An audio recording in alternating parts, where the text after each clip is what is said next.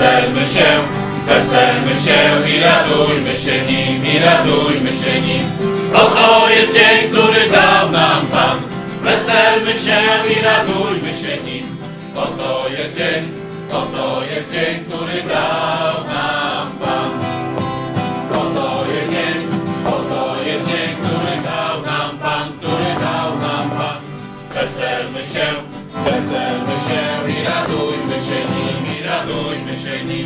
Oto jest dzień, który dał nam Pan. Weselmy się i radujmy się nim. Oto jest dzień, oto jest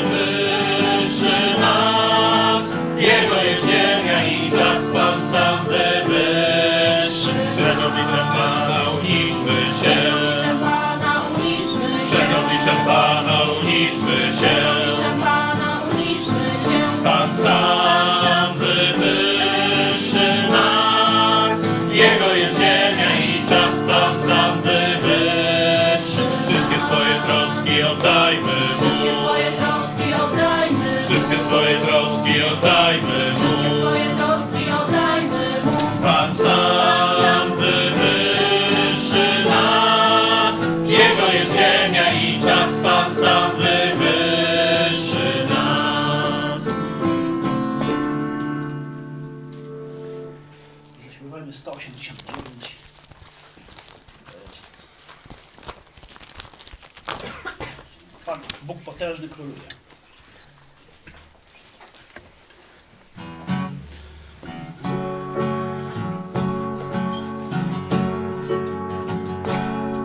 Bóg potężny króluje, Jemu chwała i cześć, nasz Pan potężny jest. Jak grom Jego kroki, błyskawicą Jego pieśń, nasz Pan potężny jest. Pan wcale nie żartował, gdy z kraju ich wykopał i nie bez powodu przelał swoją krew. Jego powrót jest bliski, więc lepiej byś uwierzył, że nasz Pan potężny jest. Nasz Pan on potężny jest wśród chwał. Na niebiosach ma tron w nim miłość, mądrość, moc. Nasz Pan on potężny jest. Nasz Pan on potężny jest wśród chwał. Na niebiosach ma nim miłość, mądrość, moc. Nasz Pan on potężny jest. Gdy wszędzie była pustka, niebo czarne bez gwiazd, nasz Pan on potężny jest. On przemówił w ciemności i stworzył ten świat, nasz Pan on potężny. On osąd i karę wylał na Sodomę, zmiłowanie i łaskę na krzyżu nam dał. Mam nadzieję, że zawsze będziemy to pamiętać, że nasz Pan potężny jest. Nasz Pan potężny jest wśród chwał. Na niebiosach ma nim miłość, mądrość, moc. Nasz Pan potężny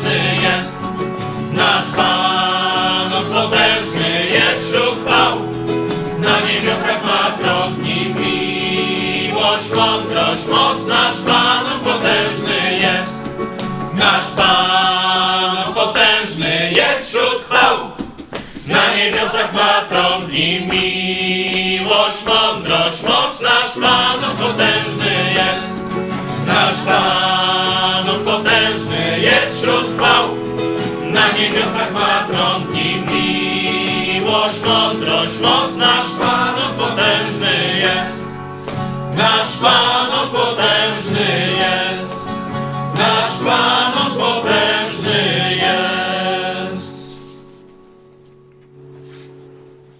Przepraszam za strój, ale no, nie za bardzo zdążyłem się przebrać, bo jesteśmy w trakcie zjazdu, szóstego zjazdu Idź Pod Prąd. Jak wiecie, nasza działalność ma ten oczywiście główny kierunek biblijny, ale też pokazujemy, jak chrześcijanie powinni angażować się w politykę, jak powinni angażować się w bycie solą tego świata, bycie światłem dla tych, którzy jeszcze nie znają woli Jezusa Chrystusa, naszego Pana. Stąd też bardzo mocno angażujemy się w to, co się dzieje wokół nas. Nie jesteśmy bierni, nie stajemy z boku. Ja wiem, że jak do polskich, y, głównie protestantów, mówi Polak, to nie, e, co on tam wie? No to zaprośmy Amerykanina, no niech nam coś powie. Witajcie moi przyjaciele z Polski. Tu Erik Howin ze Stanów Zjednoczonych. Pragnę powiedzieć wam, jak bardzo cieszę się, że mówicie o związku polityki z religią i jak włączyć chrześcijaństwo w sferę polityki. Chcę powiedzieć jedno: nie da się szerzyć Bożej prawdy w świecie polityki, nie mając Bożych ludzi w sferze publicznej.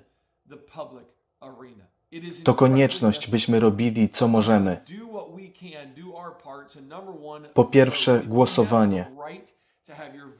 Jeśli jesteś uprawniony do tego, by oddać swój głos, niech on będzie usłyszany. Użyj swojego głosu, by wybrać ludzi, prawa, rządy, które są Boże, które reprezentują to, kim Bóg jest.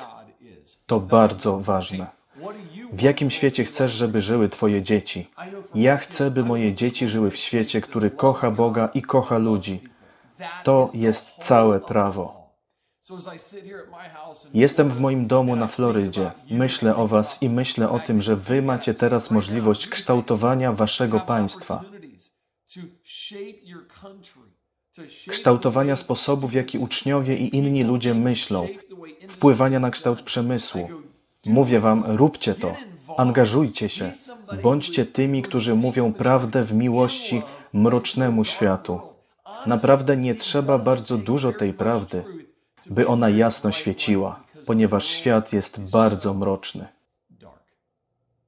Ktoś powiedział kiedyś, że aby zło zatriumfowało, wystarczy bierność dobrych ludzi. Proszę, nie bądźcie tymi dobrymi mężczyznami i kobietami, którzy nic nie robią. W miłości stawiajcie opór przeciwnikom chrześcijaństwa i Boga.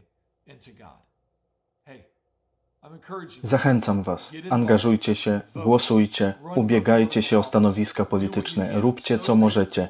Jestem bardzo wdzięczny za Amerykanów, którzy zdecydowali się robić to, do czego powołał ich Bóg i zaangażowali się w sprawy świata, który potrafi być brudny i ohydny, ale oni zaangażowali się i spowodowali ogromną zmianę, wpływając na życie każdego Amerykanina.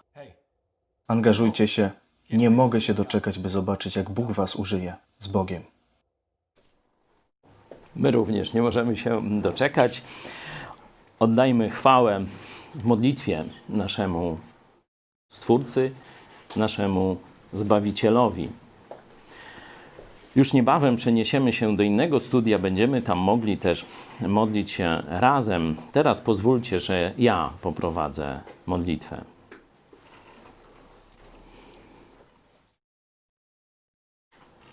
Kochany nasz Ojcze, dziękujemy Ci, że możemy istnieć, że Ty powołałeś nas do życia. Dziękujemy Ci, Panie Jezu, że dałeś nam nowe życie, że teraz dzięki Twojej śmierci na krzyżu możemy żyć na wieki. Ale dziękujemy Ci też, że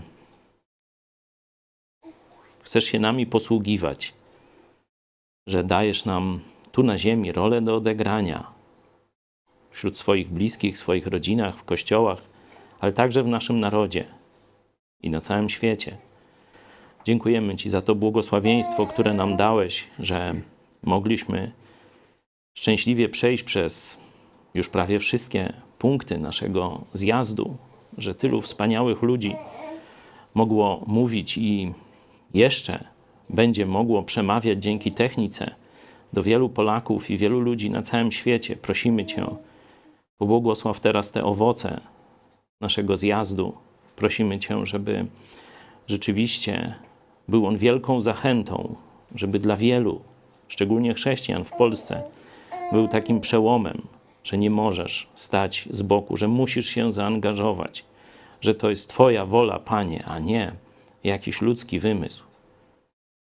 Prosimy Cię, żeby rzeczywiście chrześcijanie zaczęli się dobrze organizować i odgrywać rolę w polskim życiu społecznym i politycznym.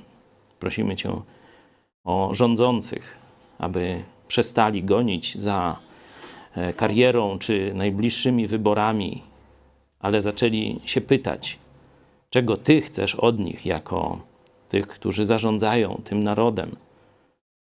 Prosimy Cię, żeby bojaźń przed Tobą ogarnęła ich serca, żeby padli przed Tobą na twarz i wołali najpierw o Twoje zbawienie, a potem o Twoją mądrość do tego, jak prowadzić naród. Prosimy Cię teraz, daj nam mądrość Twojego słowa, abyśmy lepiej rozumieli, jak mamy funkcjonować w naszych kościołach, by każdy z nas robił to, co trzeba, a nie robił tego, co nie trzeba. Prosimy Cię w imieniu Jezusa. Amen. Coś jeszcze może zaśpiewamy? To może zaśpiewajmy 190 Kiedy Bóg prowadzi nas, Jego armia z wrogiem idzie w tam. O.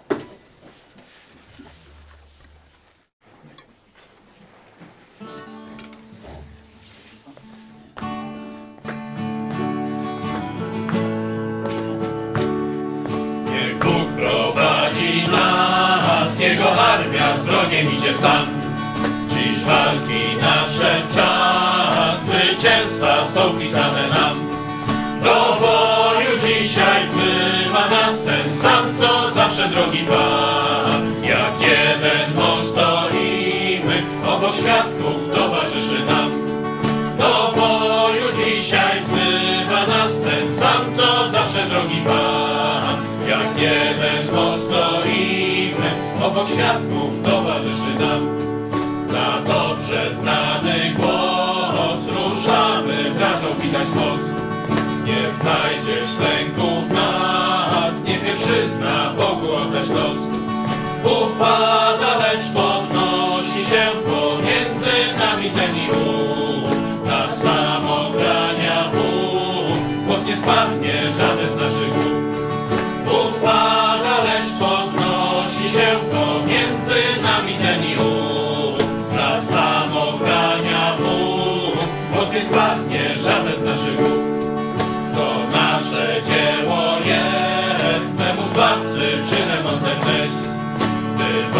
boju przejdzie chrześcijan, pójdzie braciom cenna wieść.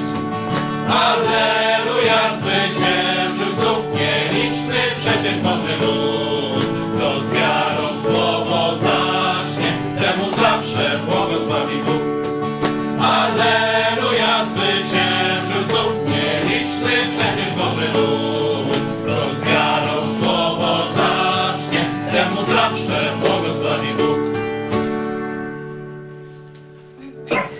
Jak wiecie, jesteśmy e, po e, jeden punkt jeszcze nam został, część wykładową skończyliśmy, zostały warsztaty jeszcze e, dziennikarskie szóstego zjazdu Idź pod prąd, telewizji Idź pod prąd, środowiska Idź pod prąd. Mieliśmy kilkunastu wręcz gości z całego świata, ale goście gośćmi, a najważniejsi są uczestnicy tego projektu. Mam nadzieję, że może wszyscy z Was uczestniczyliście w tym zjeździe e, jako taki feedback, głos od Was. Zacytuję z pamięci głos e, Amelki, Amelki Machały, żony Maćka, która zwykle zajmuje się na takich zjazdach dziećmi. Amelka właśnie przed chwilą napisała do nas, jakże tęsknię za Wami, żeby być tutaj.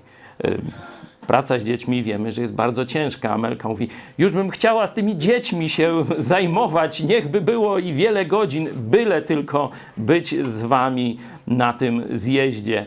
Bardzo, bardzo brak mi tych przerw kawowych, czyli czasu wspólnoty. Pamiętacie, jak wieczorami studiujemy, czytamy raczej dzieje apostolskie, na czym polegało życie pierwszego kościoła? Pamiętacie? Na wspólnocie. Oczywiście była nauka apostolska, e, łamanie chleba i tak dalej, i tak dalej, ale wspólnota to było coś wyjątkowego, coś, czego nie doświadczyli.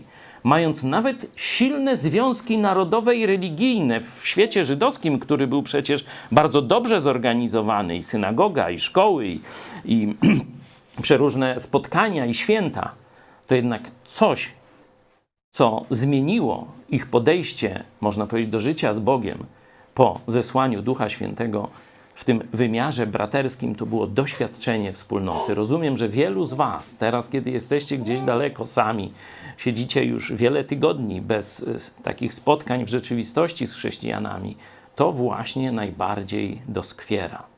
Ale też to powinno być dla każdego z Was, y, szczególnie dla tych spoza bezpośredniego kręgu naszego projektu Mega Kościół, też takim ostrzeżeniem. Jeśli będziesz bierny, jeśli powiesz sobie, że nie obchodzi mnie polityka, nie obchodzi mnie to, co się dzieje w świecie, bo moja chata z kraja i tam jest spokój, to zobacz, że polityka przyszła do ciebie. I przed tymśmy ostrzegali. Nie uciekniesz od polityki, bo polityka to jest sprawy polis, czyli sprawy wspólne miasta, państwa, narodu i tak. Myślałeś, że możesz spokojne życie wieść gdzieś z dala od wydarzeń tego świata, a teraz musisz siedzieć w domu i nie możesz przyjść na spotkanie kościoła. Jeśli pójdziesz, to boisz się, że nie zawlekłeś czegoś do domu. Także zobaczcie, że tolerowanie zła, nieprzeciwstawianie się, głupota, głupota wielu przywódców, także świata zachodniego, którzy powtarzali, że z Chinami da się robić interesy, że im tak naprawdę zależy tylko na pieniądzach, nie na podboju świata. O, to już teraz wiedzą, jakimi głupotami nas karmili. Imperium zła nie poprzestanie, dopóki nie podbije wszystkich w niewolę. To jest jego cel.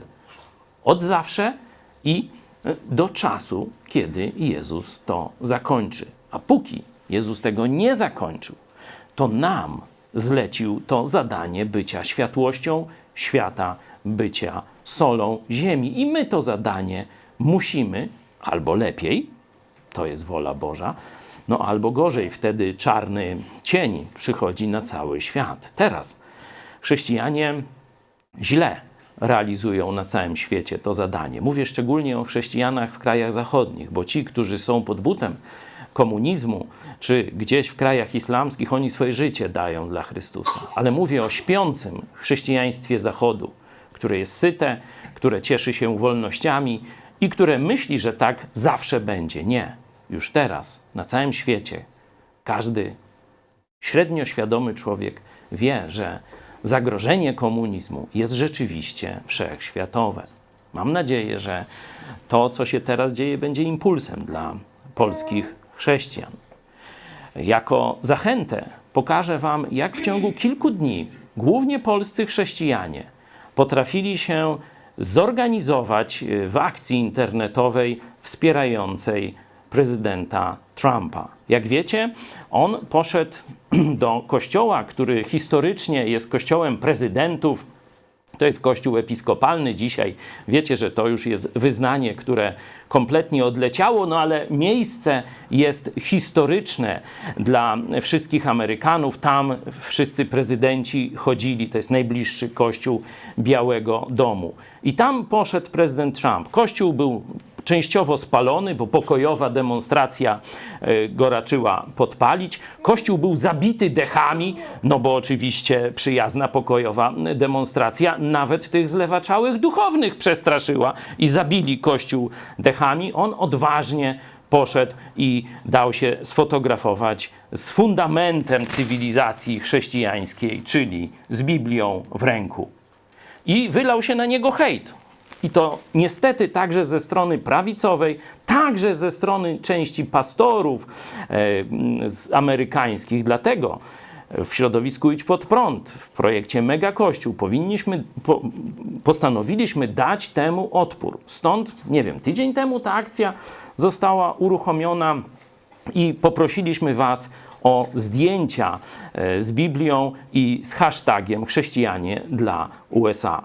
Zobaczcie, jaki jest tego efekt. Dzisiaj ubraliśmy to w życzenia urodzinowe, choć to nie było planowane. Te akcje, to ja nie wiedziałem, kiedy są urodziny e, Trumpa, ale tak wyszło. Zobaczcie, jak wiele kropel skupiło się razem w jednym, można powiedzieć, wspaniałym strumieniu, a może już rze- rzece. Możesz jeszcze teraz dołożyć swoje zdjęcie. Ten klip mamy po angielsku, ale mam nadzieję, to jest taki polski angielski, że dość łatwo go zrozumiecie. No Czarek, mam nadzieję, że wybaczysz.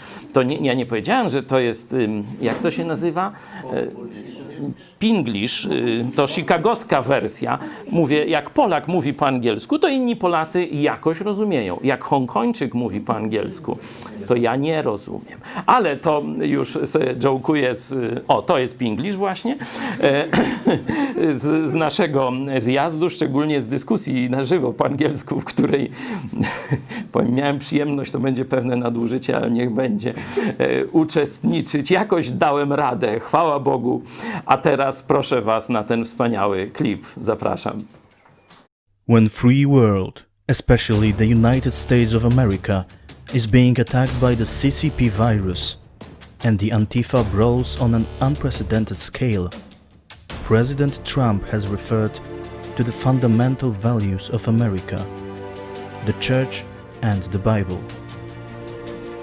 When the evil empire wants to win the battle for the souls and minds of people around the world, we Christians cannot stand aside the fall of Christian America will mark the end of Christian civilization around the world. Great politics does not take place only among leaders and in diplomatic salons. Primarily, it takes place in you. Your opinions, your declarations matter. A great river would not exist if it were not created by millions of drops you and I can do something together to bear witness to the truth, to resist evil, and to support people who are fighting in the first line of defense for our civilization. Join the Christians for USA campaign. Take a photo of yourself with the Bible to show your support for the Christian foundations of America and President Donald Trump. Happy birthday, Mr. President. May God bless you and God bless America.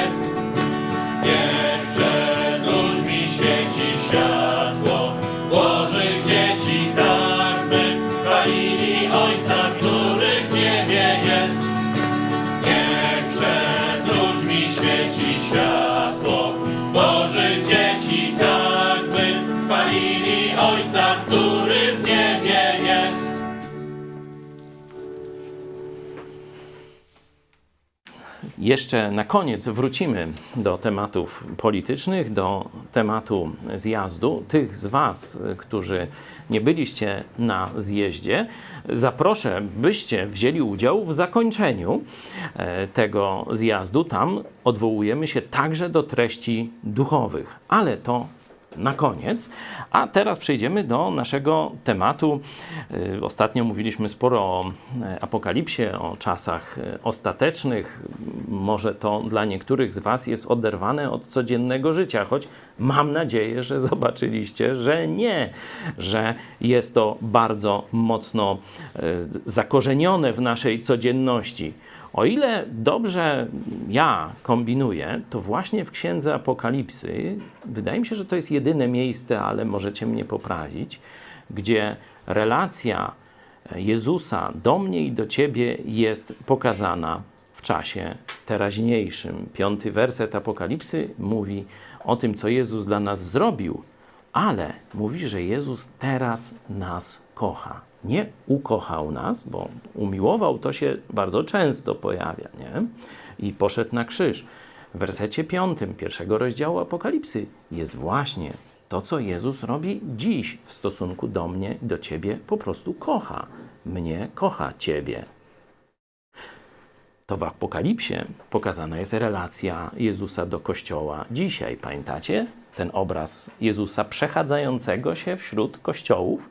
To właśnie księdze Apokalipsy. No i obraz Jezusa, jakim on teraz jest, to jest właśnie objawienie Jana. A my dzisiaj zajmiemy się takim e, tematem, mówię, bardzo prozaicznym, jak nie zwariować w swoim kościele, we wspólnocie swojego kościoła. Jako przewodni niech będzie dla nas werset z listu do Efezjan, y, drugi, ale z czwartego rozdziału, ale podam go w szerszym kontekście, czyli 4, 1 do 3. Napominam was wtedy ja, więzień w Panu, abyście postępowali jak przystoi na powołanie wasze, z wszelką pokorą i łagodnością, z cierpliwością znosząc jedni drugich w miłości, starając się zachować jedność ducha w spójni pokoju. Zobaczcie, to jest ogólnie wezwanie nie? do e, chrześcijan. E, Apostoł Paweł mówi, że to jest ich powinność w Chrystusie. I wszystkie te słowa towarzyszące są bardzo takie, jakby to powiedzieć, no dość ciężkie, no bo pokora jest jedną z najcięższych takich cnót chrześcijańskich, nie? Dużo łatwiej nam się jakoś tam wywyższać, e, sobie przypisywać jakąś większą wartość prawa i tak dalej, nie? E, Łagodność, e, cierpliwość, jedność, pokój, nie? Czyli to są takie wielkie, wielkie słowa, wielkie treści chrześcijaństwa i zobaczcie, że one określają jeden aspekt, jeden czasownik, znosząc jedni drugich. Miłość też, zobaczcie, się pojawia, nie? Że to są te wyrażenia, które opisują ten, e, nasze relacje. I nasza relacja wzajemna w Kościele nie przedstawiona jest y, w, za pomocą słowa, które by obrazowało chodzenie po płatkach róży albo na przykład jakieś anielskie śpiewy. To jest słowo związane jak gdyby z noszeniem ciężaru. Długotrwałe niesienie ciężaru, założenie, zarzucenie na plecy, czyli przyjęcie odpowiedzialności i wytrwałe niesienie tego ciężaru. Takie tutaj jest słowo, dlatego ta, to słowo znosząc jedni drugich jest dość dobrym. Możecie zobaczyć w innych tłumaczeniach. Ja ja bym dał wytrzymując ze sobą nawzajem. Nie? To jest takie troszkę in, inne, ale no bardzo podobne znaczenie tego słowa. Widzicie więc, że życie chrześcijańskie w dłuższej perspektywie czasowej, bo kiedy spotkamy się e, na chwilę, to, to może być fajne i tam rzeczywiście to wygląda jak niebiańskie spotkanie, jak płatki róży. Ale to tak jak randki i małżeństwo. Nie? Randki trwają kilka e, godzin, jakiś jeden wspólne popołudnie czy y, wieczór. Wtedy wszyscy się tam no, przygotują, starają się nie robić rzeczy, m, że tak powiem, nieprzyjemnych dla innych.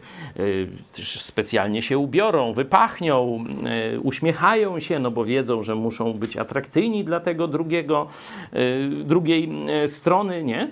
No a w małżeństwie, owszem, te wszystkie elementy się pojawiają, ale pojawia się też i codzienne życie. No człowiek wstaje rano. y, Ja nie widziałem, żeby panowie się budzili w makijażu. Panie, żeby się. A chociaż teraz to mm, ostatnio widziałem jakieś y, modę męską, to to ja, czy to mój świat jest, czy normalnie, czy trzeba się przenieść do jakiejś dekadencji, normalnie akt seks misji. E, także no, człowiek wygląda trochę gorzej, potem jeszcze przychodzi wiek, może być choroba, która całkowicie pokrzyżuje naszą jakąś y, aparycję czy zdolność fizyczną i tak dalej, i tak dalej. O, mężczyźni łysieją, nie? Wyszłaś za przystojnego, wysokiego, szczupłego bruneta, a tu łysy grubas. No wysoki został, ale reszta e, cnót i e, tych, e, tego no, odeszła wraz z wiekiem. No o paniach nie będę się wypowiadał, też to samo może się wydarzyć. Czyli zobaczcie, randka, no to jesteśmy piękni, młodzi i tak dalej, albo przynajmniej sztucznie wyfiokowani. No, a potem jest ta proza życia. Ale jeśli tę prozę życia niesiemy z Jezusem Chrystusem, to ona jest piękniejsza niż randki. I to Was zapewniam i myślę, każde zdrowe chrześcijańskie małżeństwo może to potwierdzić. Randki to był wstęp, a małżeństwo to jest to piękno, które Jezus dla, nie, dla nas zaplanował. Zresztą w liście do Efezjan możemy zobaczyć, że małżeństwo jest wzorem życia w kościele. No to zobaczcie, ta analogia wcale nie jest taka, jak gdyby nie na miejscu. Choć czasownik jest tu pokazujący jakąś wytrwałość, jakieś y, znoszenie przeciwności, to zobaczcie, ta cała e, otoczka jego z wszelką pokorą, łagodnością, cierpliwością, w miłości, je, starając się zachować jedność ducha w spójni pokoju. To są piękne rzeczy. Ale żeby te piękne rzeczy się realizowały, to tak jak w małżeństwie. Potrzebna jest Twoja praca, potrzebna jest moja praca, potrzebne jest zaangażowanie obu stron. W kościele możemy to rozszerzyć każdego z ludzi w kościele. Dlatego chciałem dzisiaj podzielić się z Wami takimi pięcioma e, punktami czy, czy, czy pomysłami, które w moim przekonaniu są kluczowe, żeby w kościele nie zwariować, a właśnie doświadczać jego piękna, doświadczać piękna wspólnoty z braćmi i z siostrami i realizować Boży cel. Bo trzeba jasno powiedzieć, wspólnota nie jest naszym celem. Wspólnota jest narzędziem do celu, a celem jest wydanie owocu na chwałę Boga, czyli zrealizowanie Jego celów w naszym życiu, w naszym świecie. Pierwszy punkt, jaki e, dałem, myślę, że się zgodzicie, że żeby wytrzymać w kościele we właściwy sposób, musisz być na nowo narodzony i musisz mieć moc Ducha Świętego. Myślę, że to samo też tyczy się udanego e, małżeństwa. Zapraszam Was, jakbyście chcieli. Mamy też specjalne poradnictwo dla małżeństw, także kto z Was ma tutaj jakieś e, problemy, to możemy Wam pomóc. Na sam początek możemy Wam wysłać naprawdę bardzo wartościowe e, wykłady e, związane z, z małżeństwem, które mieliśmy w ramach jednej z takich już internetowych konferencji chrześcijańskich dla doradców małżeńskich. Mogliśmy tu wysłuchać. Także macie problemy małżeńskie, piszcie na kontakt małpa megakościół.pl. Jeszcze raz powtarzam, kontakt małpa megakościół.pl bez polskich mm, znaków. Także wtedy możemy Wam pomóc, możemy Wam przynajmniej wysłać e, te dwa e, wykłady, żebyście zobaczyli wizję chrześcijańskiego małżeństwa. Czyli, żeby wytrzymać we właściwy sposób, z radością, z miłością, w pokoju, w owocnej służbie, w miłości, w kościele, musisz być na nowo narodzony. Sam z siebie tego nie potrafisz. Taki obraz y, jest też w Biblii, ale nie będę go cytował w całości. Powiem tylko, że można świnię umyć, ale nie można zmienić jej natury. Dlatego część ludzi przychodzi do kościoła i zmienia tylko na chwilę swoją powierzchowność. Ale po czasie to wyjdzie, że mają niezmienioną naturę. I będzie to ze wstydem dla nich i z bólem dla wszystkich innych. Także dlatego tak bardzo, zanim e, przyjmiemy Was do wspólnoty, e, bardzo staramy się upewnić i sprawdzamy, czy należysz do Jezusa Chrystusa, czy narodziłeś się na nowo. Robimy to oczywiście w trosce o Kościół, ale robimy też to w trosce o Ciebie, bo jeśli Cię przyjmiemy, a Ty nie jesteś jeszcze zbawiony, to my Cię utwierdzimy w tym stanie, a Ty cały czas jesteś niezbawiony, czyli gdybyś umarł, idziesz do piekła. Dalej będziesz się męczył, będziesz się starał robić rzeczy z ciała, z własnych sił, a to ci nie będzie wychodziło. Będziesz żył w coraz większej frustracji będziesz miał pretensje, że Kościół to jest coś złego i tak dalej, bo ty nie dajesz rady. Dlatego nie dajesz rady, bo próbujesz to robić własnymi siłami, a musisz najpierw przyjść do Jezusa, żeby zmienił Twoje kamienne serce na serce mięsiste. W liście do Galacjan, w tym narodowym czytaniu Biblii, pamiętacie zapewne e, list, e, rozdział 5, werset 17. Gdyż ciało, to jest nasza ta ziemska skorupa, gdyż ciało pożąda przeciwko duchowi, a duch przeciwko ciału, a te są sobie przeciwne, abyście nie czynili tego, co chcecie. Czyli jeśli nie zostałeś na nowo narodzony, jeśli nie masz Ducha Świętego, będziesz żył z ciała. Nie będziesz mógł funkcjonować prawdziwie w Bożym Kościele. Także to e, jest taki no, warunek podstawowy. On jest, można powiedzieć, z, z takiej oddzielnej półki, bo wszystkie inne dotyczą już poprawy tych, którzy narodzili się z Ducha Bożego. Nie? Także pamiętajcie, to jest warunek podstawowy. Bez niego nic nie można zrobić w kościele i naprawdę trzy razy się zapytajcie sami siebie, proście Boga o mądrość, czy narodziliście się już na nowo, bo to jest klucz. Bez tego jak ktoś mówi, bez Boga ani do proga, kościoła również. Drugi punkt. Żebyś nie zwariował w kościele, musisz skupić się na miłości braterskiej, na miłości swoich braci i sióstr. Szczególnie dzisiaj przychodzą ludzie, którzy wychowani są od dziecka w jakim duchu? W duchu służby, w duchu e, jakiejś takiego szacunku dla innych? Nie. Wychowani są jak narcyzy. Wychowani są zgodnie z taką świecką teologią bezbożną jako pępek świata. Czyli wszystko wokół nich od najmniejszego, od początku ich życia się toczy. Wszyscy się tylko nimi zachwycają, nikt od nich niczego nie wymaga i tak dalej, i tak dalej. O ile jeszcze to ma jakieś uzasadnienie, kiedy są takie słodkie bobaski, jak to się mówi, kilkumiesięczne, o tyle, jeśli wychowamy e, takiego Januszka 20-30-letniego, no to zapraszam do obejrzenia filmu Ballada o Januszku. Tak się właśnie kończy wychowanie e, dziecka w duchu takiego e, pępka świata, że wszystko mu się należy, że rodzice się zażynają, żeby tylko wszystko dziecku dać.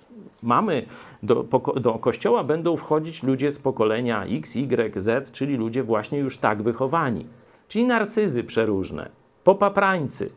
I ci ludzie myślą, że jak się pojawią w kościele, to jest takie wielkie święto, że ono już powinno trwać no, chyba do końca ich dni. Wszyscy powinni się zachwycać, służyć, nie mówić im tylko miłe rzeczy, komplementy e, i tak dalej, ustępować zawsze, bo im się przecież bardzo to należy. No, rozczaruję was, przynajmniej my tak nie żyjemy. Także jak chcesz takiego kościoła, szukaj, może znajdziesz, ale nas, omi- nasz omijaj od razu szerokim łukiem. Musisz skupić się nie na swoich oczekiwaniach, tylko na tym, że dostałeś szansę, żeby służyć innym. dostałeś szansę. Przyjdźcie do kościoła, sobie tak opisz. Dostałem wreszcie Boże szansę, żeby komuś służyć, tak jak Ty tego chcesz. No, jakaś podstawa biblijna, no to jest tego dość dużo. E, Ja skupię się na e, takim aspekcie e, braku miłości, czy tego koncentrowania się na sobie, bo jeśli będziesz koncentrował się na tym, co się tobie należy, to jak to się skończy szybko? Skończy się konfliktami, skończy się walką, skończy się pretensjami, skończy się jakimiś, my to nazywamy podsrywankami. Nie wiem, czy jest lepsze polskie słowo. Jak y, tego, to mi napiszcie, na razie będę używał tego. Y, I tak dalej, i tak dalej. Jeśli z kolei skupisz się na kochaniu innym, innych, czyli na służeniu im, na szukaniu ich dobra, to stanie się to, co apostoł Piotr opisuje w czwartym rozdziale swojego pierwszego listu, ósmy werset. Nade wszystko miejcie gorliwą miłość jedni ku drugim, gdyż miłość zakrywa mnóstwo grzechów. Tak, zobaczcie, że tu nie ma mowy w tym momencie akurat o miłości do Boga, tylko o miłości do siebie nawzajem. I teraz druga obserwacja. Co będzie się działo w kościele? No, będziesz doświadczał różnych nieprzyjemności. Część z nich to będą oczywiście Twoje wymysły, że ktoś Cię tam skrzywdził, a część to będzie rzeczywiście krzywda. Ponieważ Kościół to jeszcze nie niebo, to jest wstęp do nieba, to jest preludium, zaczątek, jak chcesz, możemy to nazwać, ale to jeszcze nie jest niebo. Czyli, że w Kościele będziesz też mógł doznać zranienia, skrzywdzenia, niesprawiedliwego potraktowania itd., itd.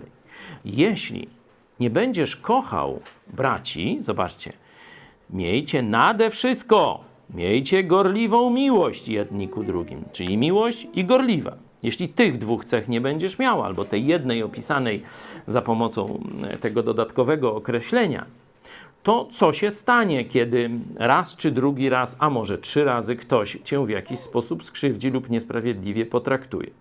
To, że taka niesprawiedliwość może się w kościele stać, możemy zobaczyć również w dziejach apostolskich. Zobaczcie, szósty rozdział dziejów apostolskich to jest właśnie problem, że część osób miała pretensje, że została skrzywdzona przy rozdawaniu żywności przy rozdawaniu żywności niesprawiedliwość się jakaś tam według nich, czy że tam już nawet tekst nie dyskutuje, czy prawdziwa, czy, czy nieprawdziwa, nieważne.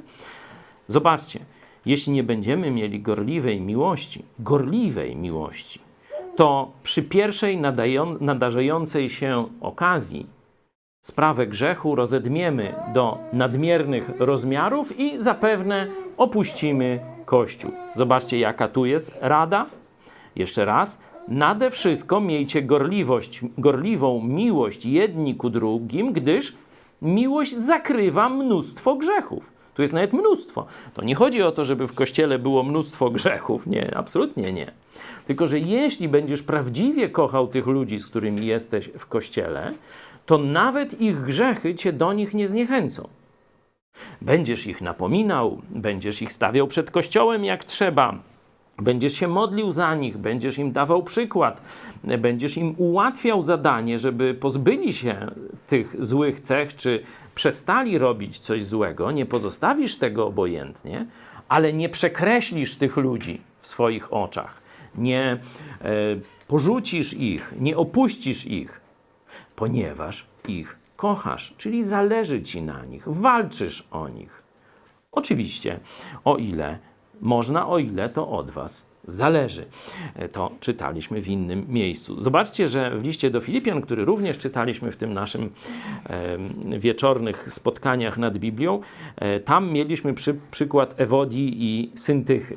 Zobaczcie, te kobiety kiedyś razem służyły. Zaraz przejdziemy do następnego punktu, który o tym mówi. Kochały siebie, kochały Jezusa, kochały siebie nawzajem, razem służyły. Teraz nie wiem, chyba są na jakiejś emeryturze czy czymś takim. No i zaczynają się żreć, nie mogą się pogodzić. I doszło do tego, że nie tylko w ich kościele ta, ta ich kłótnia jest znana, ale też doszło to do apostoła Pawła, czyli z, poza granicami kościoła, można powiedzieć, znane. I apostoł Paweł wzywa e, tam kościół Filipi. Upominam Ewodię i upominał, upominam Syntychę, aby były jednomyślne w Panu. I dalej jest tam prośba do starszych kościoła, żeby im w tym e, pomogli. Czyli po pierwsze, musisz być nawrócony. Jeśli nie, no to wszystko inne, o czym mówię, nie ma najmniejszego sensu dla ciebie. Jeśli już jesteś nawrócony, musisz, idąc do kościoła, pomyśleć, to jest okazja do służby z miłości. To jest okazja do okazywania miłości. I oczywiście będziesz odbierał też miłość, ale jeśli skupisz się na odbieraniu, o, to jest miejsce, gdzie przecież powinni mnie wszyscy kochać, to ci gwarantuję, że znajdziesz braki w każdym z nas. Ktoś zawsze gdzieś jakoś nie tak się na ciebie spojrzy, nie, nie poda ci czegoś na czas i tak dalej, i tak dalej. Jeśli z kolei ty się skupisz na tym, żeby podać komuś na czas, żeby zrobić to, co ciebie należy, będziesz mógł w 100% wypełnić wolę Bożą. Bo to zależy od ciebie. To jest to, co ty masz zrobić.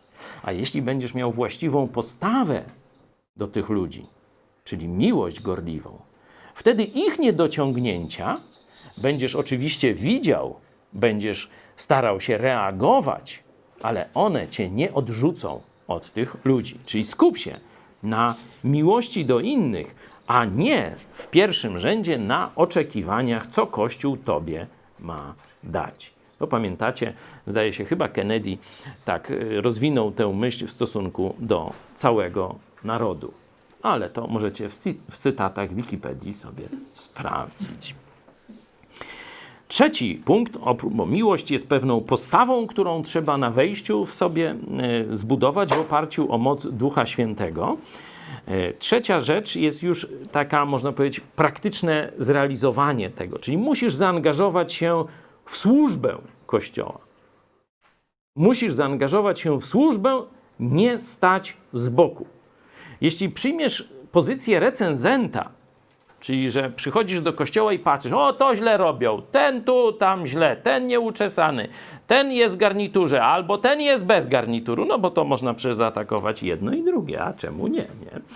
E, I tak dalej, i tak dalej. Długo w tym kościele nie pobędziesz. No to tak y, zwykle bywa, znam to też z praktyki.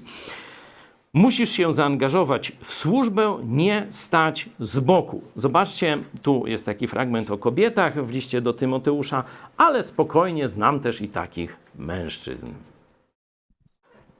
Oprócz tego zaś uczą się próżniactwa, chodząc od domu do domu i nie tylko nic nie robią, lecz są także gadatliwe i wścibskie i mówią czego nie trzeba.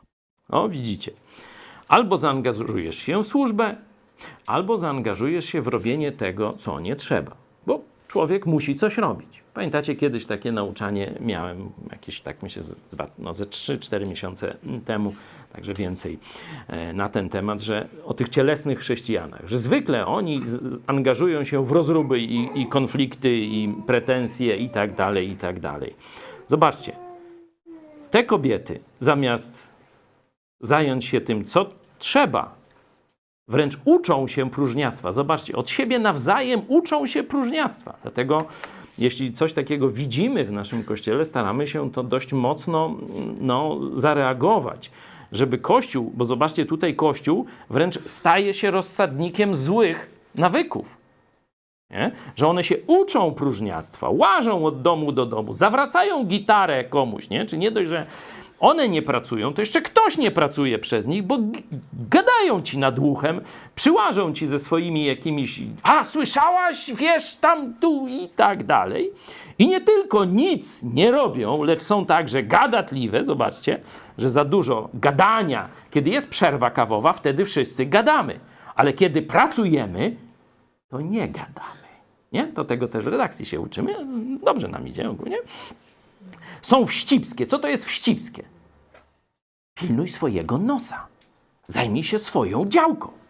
A nie latasz i poprawiasz wszystkich dookoła i sprawdzasz, co oni tam robią. Kto cię wyznaczył kontrolerem nad innymi? Rób swoje. Pokaż efekt swojej pracy, a nie wtryniaj się do roboty innych. I jeszcze na koniec, zobaczcie, to już jest oczywiste, gadają, co nie trzeba.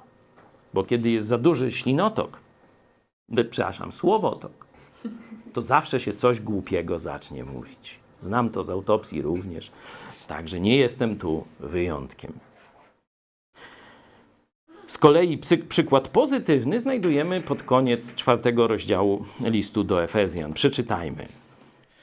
Lecz abyśmy, będąc szczerymi w miłości, wzrastali pod każdym względem w Niego, który jest głową, w Chrystusa, z którego całe ciało spojone i związane przez wszystkie wzajemnie się zasilające stawy, według zgodnego z przeznaczeniem działania każdego poszczególnego członka rośnie i buduje siebie samo w miłości. Amen. Kontekst tam też jest właśnie działań głupich i niepotrzebnych, pójścia za fałszywymi naukami, jak, jak chorągiewka na wietrze i tak dalej. Zamiast tego znowu szczerość miłości, tam gorliwość miłości, tu szczerość w miłości, wzrost w Chrystusie i zaangażowanie się w budowanie ciała. Zobaczcie, jaki tu jest piękny, piękny opis. Wszystkie wzajemnie się zasilające stawy. Wzajemnie się zasilające stawy, według zgodnego z przeznaczeniem, zobaczcie, każdy robi swoje, działania każdego poszczególnego członka, efekt rośnie i buduje siebie samo w miłości. W liście do Galacjan jest taki prosty nakaz. Tam więcej przy tym czytaniu narodowym Biblii o nim mówiłem, to tylko krótko przypomnę. Jeśli według ducha żyjemy, według ducha też postępujmy. Nie? Czyli żeby nie była tylko gadka o tym, że jesteśmy chrześcijanami, tylko to ma być nasza praktyka. Tu, e, tu słowo, które e, jest przetłumaczone postępujmy w rzeczywistości według ducha, też stójmy w szeregu. I to jest wojskowe słowo z mm, tej ich szyku bojowego falangi, czyli jeden obok drugiego, jeden kryje sąsiada z jednej strony, jego sąsiad z kolei z prawej strony kryje tego mm, mnie, który jestem z jego lewej strony i tak dalej. W filmie 300 jest to bardzo ładnie e, pokazane. Zajmij miejsce w szeregu. Nie jesteś recenzentem. Rób swoje. Rób swoje wypełniuj swoją misję w tym szeregu. Jeśli chodzi o gadanie i recenzowanie, zobaczcie, jak pierwszy Kościół to zorganizował. Drugi Tymoteusz, e, trzeci rozdział. Tu wybrałem tylko dwa wersety. Mowa jest o wybraniu diakonów. Diakon to jest tak jak dzisiaj minister. Nie Szumowski oczywiście, e, spółdzielnia z bratem, z małżonką i wszystko pięknie i z różnymi grandami, ale tutaj diakon to jest sługa. Diakon to jest sługa. Podobnie jak minister, tylko że minister z łaciny, a diakon z greckiego. Nie? Czyli sługa. Zobaczcie, to nie są nawet kompetencje starszych w kościele, to są kompetencje no, ludzi, którzy dostają pewne odpowiedzial samodzielne odpowiedzialności do wykonania w kościele. Diakoni. I zobaczcie, jaki jest opis ich drogi do tych odpowiedzialności. Proszę. Niech oni najpierw odbędą próbę, a potem, jeśli się okaże, że są nienaganni, niech przystąpią do pełnienia służby. Bo ci, którzy dobrze służbę pełnili, zyskują sobie wysokie stanowisko i prawo występowania w sprawie wiary, która jest w Chrystusie Jezusie. Amen. Co widzicie, zanim gadają? Proszę. Zanim gadają, to co się dzieje?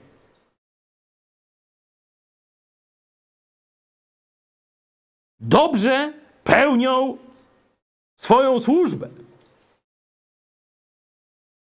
Przejdą próbę. Dopiero mają prawo gadać. Jaki wniosek z tego dla ciebie? Najpierw wykaż się tym, co ty potrafisz.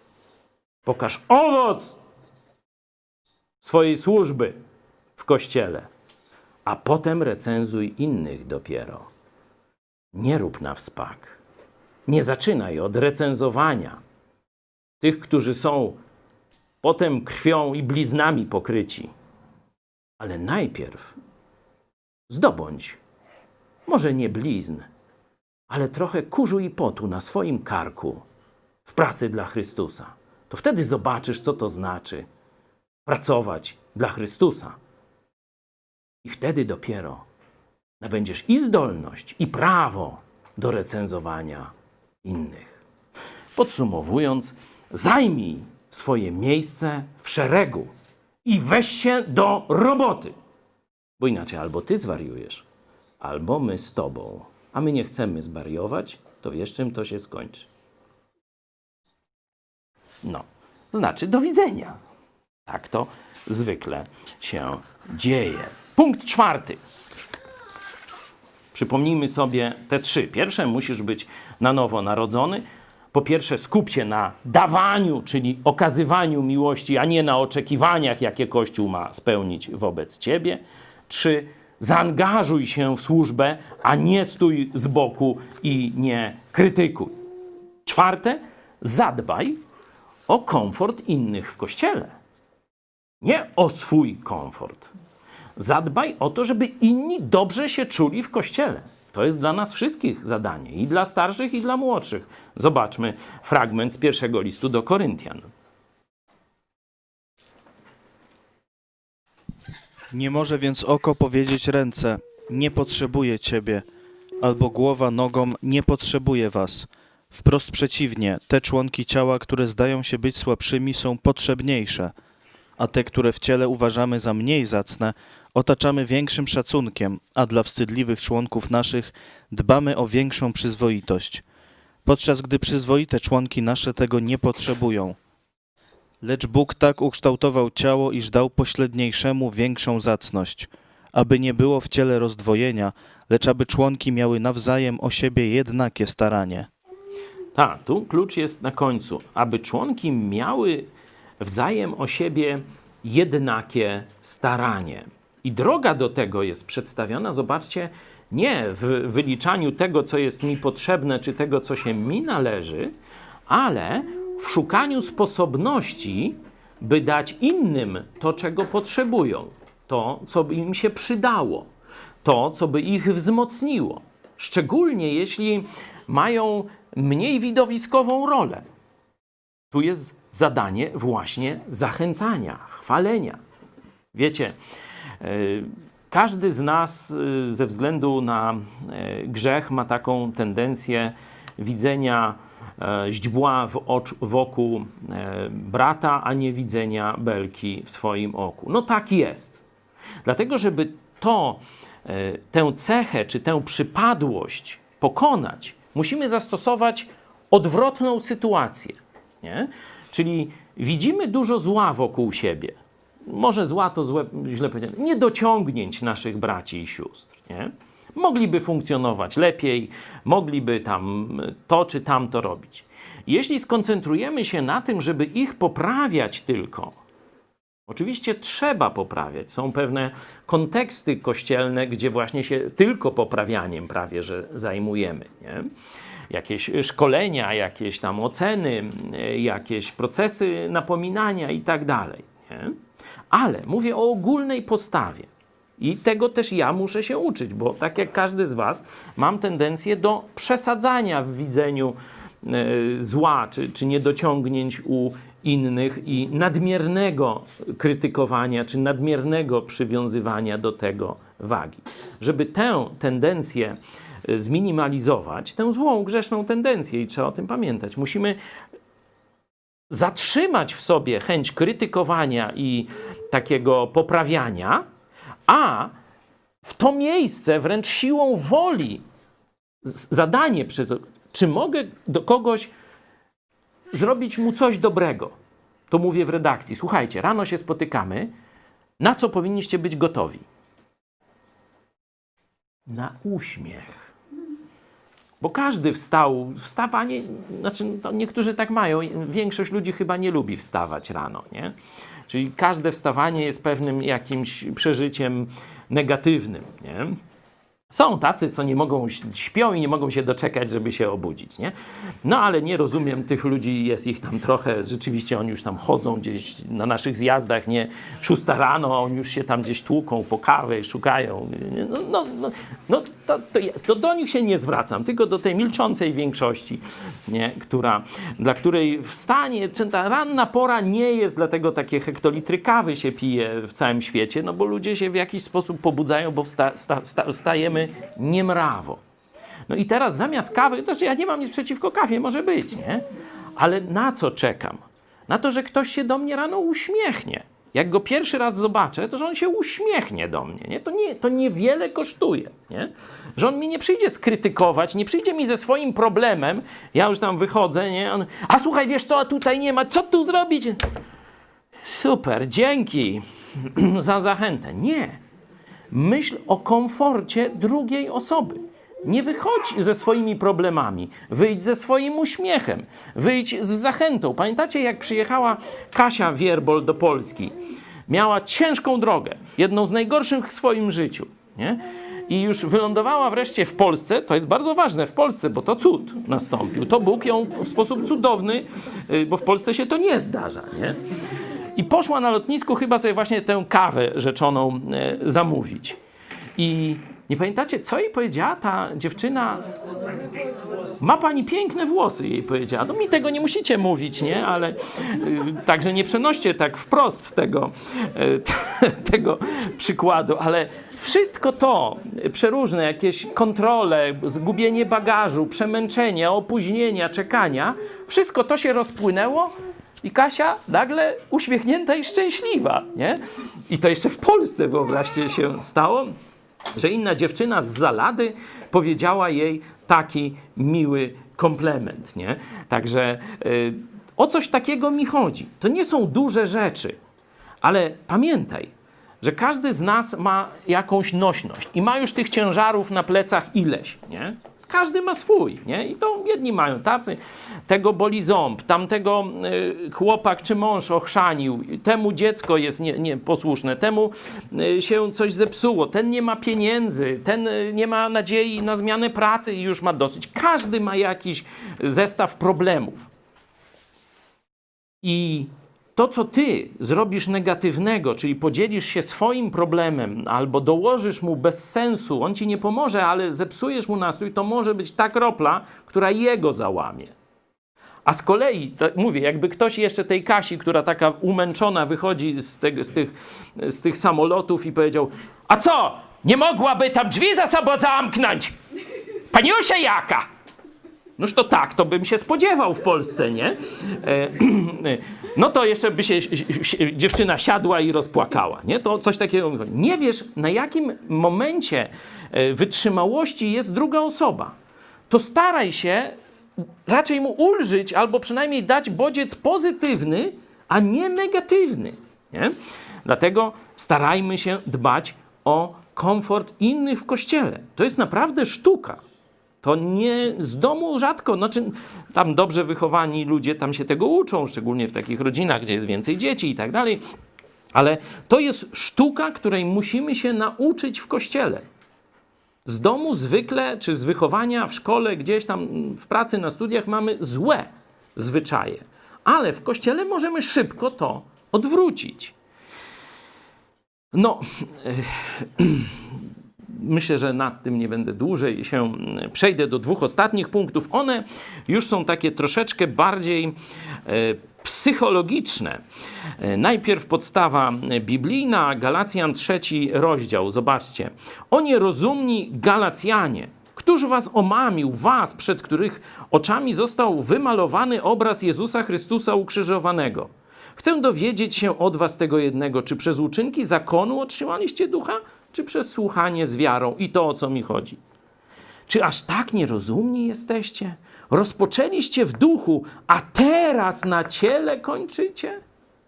Mieli świetny start. Byli zachęcającymi innych, wspaniałymi duchowymi chrześcijanami, chociaż młodymi. Ale potem się, że tak powiem, przewróciło im we łbach. Zaczęli słuchać fałszywych nauczycieli, zaczęli się koncentrować na tym, co nie trzeba, zaczęli właśnie zamiast na rzeczach duchowych koncentrować się na cielesnych. I pokazuje też relację, jaką mieli wcześniej, a jaką mają teraz. Czwarty rozdział, piętnasty werset. Cóż się tedy stało z tą waszą szczęśliwością? Czyli zobaczcie, tam było to życie w duchu, wspaniały start, szczęśliwość. Cóż to się stało z tą waszą szczęśliwością? Albo, albowiem daję wam świadectwo, że gdyby to było możliwe, wtedy, kiedy po raz pierwszy, czyli na samym początku był u nich, wyłupilibyście sobie oczy i mnie oddali. A co jest teraz? Czy stałem się nieprzyjacielem waszym dlatego, że wam prawdę mówię? I wtedy mówił im prawdę, i teraz im mówi prawdę. Zobaczcie, wtedy byli szczęśliwi, wtedy mało sobie tam oczu nie wyłupali. Paweł, był chory wtedy, żeby jemu, jemu y, pomóc, a teraz go nie lubią, teraz go odrzucają, teraz go no, nie szanują i tak dalej, i tak dalej. Nie? Teraz koncentrują się na tym, co nie trzeba. Czyli widać, że są pewne etapy w naszym podejściu do tych samych ludzi i tych samych zjawisk. Zobaczcie, bo tu sytuacja zewnętrzna, ani Jezus się nie zmienił, Ewangelia się nie zmieniła, apostoł Paweł się nie zmienił. Wtedy go kochali i tam, że tak powiem, życie prawie za niego by oddali. Teraz go nienawidzą. On się nie zmienił. A ich postawa się zmieniła. Psychologia opisuje to za pomocą takiego wykresu em, z takiego nastawienia do wspólnoty, czy w ogóle nastawienia w relacjach. Zawsze na początku mamy wielkie pozytywne oczekiwania. Kiedy kogoś spotykamy, czy kiedy wchodzimy w jakąś grupę ludzi, jesteśmy zachwyceni. To jest fenomenalny, to, to, to ten, to jest mój prawdziwy przyjaciel, to jest właśnie ta grupa, to jest ten kościół, to jest no, niebo na ziemi i tak dalej. Oczywiście zwykle jest to przesadzone. Ten obraz jest zbyt, zbyt lukrowany. Ten obraz jest zbyt pozytywny. Nie? I on trwa jakiś czas. Mówię zwykle, bo akurat tu w przypadku Ewangelii apostoła Pawła, no to to była prawda. Ale zwykle następuje pewne przyzwyczajenie po jakichś kilku tygodniach, czy miesiącach, czy po pół roku, no to już tam zależy jaka relacja, e, jak często się widzimy, jakie są negatywne doświadczenia i tak dalej. Następuje pewne przyzwyczajenie i wtedy, kiedy wtedy, wcześniej zachwycaliśmy się pod niebiosa tym człowiekiem czy tą, tą grupą ludzi, teraz za chwilę przechodzimy w trend całkowicie spadkowy. Mówi, ale to źli ludzie, ale ham i oszust i gbur i tak dalej. O tym samym człowieku, o tej samej wspólnocie ludzi. Ten sam człowiek wychwala tu w zachwytach, a potem miesza z błotem. Zwykle ci ludzie, których on ocenia, są tacy sami. Podałem wam przykład apostoła Pawła, Ewangelii Jezusa. Tu się nic nie zmieniło, a ich postawa się diametralnie zmieniła. To w ich oczach nastąpiła, z, fali te, z fazy zachwytu, nastąpiła faza nadmiernego krytycyzmu. I większość ludzi, czy może nie większość, spora część ludzi w tym momencie odpada. Zrywa tę relację jeśli nie są w stanie rozpoznać tego, że idą za nastrojami. Pamiętacie, niedawno miałem takie nauczanie o tym, w jaki sposób szatan nas kłamie. Chyba 12 różnych sposobów wymieniłem. Między innymi tu widzimy, w jaki sposób szatan może cię w tym momencie uczuciami i fałszywym, kłamliwym myśleniem odciągnąć od kościoła. Odpadniesz. Strata dla kościoła, strata dla owocu Bożego, ale przede wszystkim strata dla ciebie. Ale ci, którzy sobie to uświadomią, że to jest naturalna droga, że człowiek się najpierw czymś zachwyca, a potem dopiero widzi błędy i tak dalej, zaczyna fa faza normalności, sprawiedliwej oceny. I zaczyna wszystko wracać do normy. Często, widzicie, ta ocena idzie w górę i może nawet po czasie przewyższyć ten pierwszy zachwyt. Ale teraz będzie zbudowana już na prawdziwym poznaniu, na dogłębnej ocenie tego zjawiska i co ważne, nam się wyostrzą, można powiedzieć, zmysły potrzebne do właściwej oceny. Bo kiedy przychodzisz świeżo nowonarodzony chrześcijan, ty jeszcze nie wiesz, jak Kościół oceniasz oceniać? Czy oceniasz po jakichś zewnętrznych y, pozorach często, czy, czy mało ważnych znakach? Na przykład ktoś się zachwyci, jak oni pięknie śpiewają. No może akurat są absolwentami jakiegoś konserwatorium czy czegoś innego. No i pięknie śpiewają, ale z życiem duchowym mogą nie mieć nic wspólnego. Nie? A ty się zachwyciłeś, jak oni pięknie śpiewają i tak dalej, i tak dalej. Nie chcę tego rozwijać. Mam nadzieję, że to jest dla was jasne. Trzeba przetrzymać, zgasić swoje nastroje czy, czy, czy uczucia i zadawać sobie pytania realne. Co źle zrobili? Mhm, to i to jak ja zareagowałem na to, co oni źle zrobili. Nie? Można sobie pogłębić. Czy na pewno, czy jestem pewien, że oni zrobili to, co y, zrobili coś złego obiektywnie? Można sobie zadać pytanie dalej. Czy oni zrobili to y, wolatywnie? Czy oni chcieli? Bo na przykład ktoś powie jakiś żart, który drugiego skrzywdzi, zaboli, bo akurat on jest w podobnej sytuacji. I teraz, czy ten, który zrobił ten, powiedział ten żart, zrobił to celowo, żeby mnie dotknąć? Ja sobie tak od razu pomyślałem. Każdy z was by tak pierwsza myśl. Ale ham. Uż się zemszczę w swoim czasie, ja cię tu zażartuję. Nie? Każdy tak myśli, jest pierwsza myśl. Jeśli wtedy zaczniesz działać, to kłopot gotowy. To kłopot gotowy. Awantura na cztery fajerki. A może pomyśl, zaraz, czy on chciał mnie urazić? Czy tylko mu tak wyszło? Nie zastanów się, zobacz, możesz już troszkę go może znasz, zobacz, czy on takie te głupie dowcipy to wszystkim opowiada, czy tylko tobie akurat przyszedł, nie? Jak przyszedł tobie tylko, raz mu się to zdarzyło, no to pewnie chciał cię urazić. Tu bym przyjął wysokie. I wtedy kolejna e, faza, nie? No to idę, go z tym skonfrontuję. Ale nie mówię, słuchaj, ty głupi jesteś i takimi tego powiedz. Wtedy trzeba powiedzieć, żeby dojść do wspólnoty z tym człowiekiem, to trzeba najpierw mu powiedzieć, jaki efekt to, co on zrobił, na mnie wywołało. Czyli nie ocenić jego działania, tylko powiedzieć: Słuchaj, to, co zrobiłeś, bardzo mnie zabolało, bo akurat ja jestem właśnie w takiej sytuacji, z jakiej ty żartowałeś. Zapewne się zawstydzi i będzie cię przepraszał już na wstępie. Nie? Jeśli zaczniesz z kolei, ty grzeszysz mówiąc takie głupie dowcipy ludziom,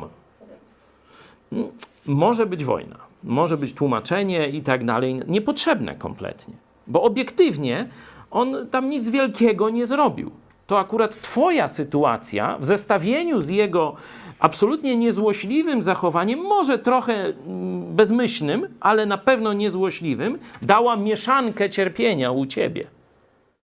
I trzeba najpierw załatwić Twój ból, ale jemu trzeba go pokazać, nie? A potem on już, nawet już nie trzeba go pouczać. Zwykle ten człowiek będzie wiedział, a na drugi raz to ja muszę uważać z tymi swoimi dowcipami. Bo fajne są, mi się podobają. Ale no, nie wszystkim, nie? Także i tego się będziemy uczyć. To się nazywa takt, taka e, cecha i tak dalej, i tak dalej. No długo bym o tym mówił, nie chcę, e, nie chcę, rzadka cecha tu słyszę, nie chcę e, za długo o tym, o tym rozmawiać, ale mówię, często to albo my zachowaliśmy, ktoś zrobił coś y, krzywdzącego wobec nas, tylko że to jest małe. A nasza reakcja mogła być absolutnie, wiecie, histeryczno-nieproporcjonalna i z tego wyszła awantura.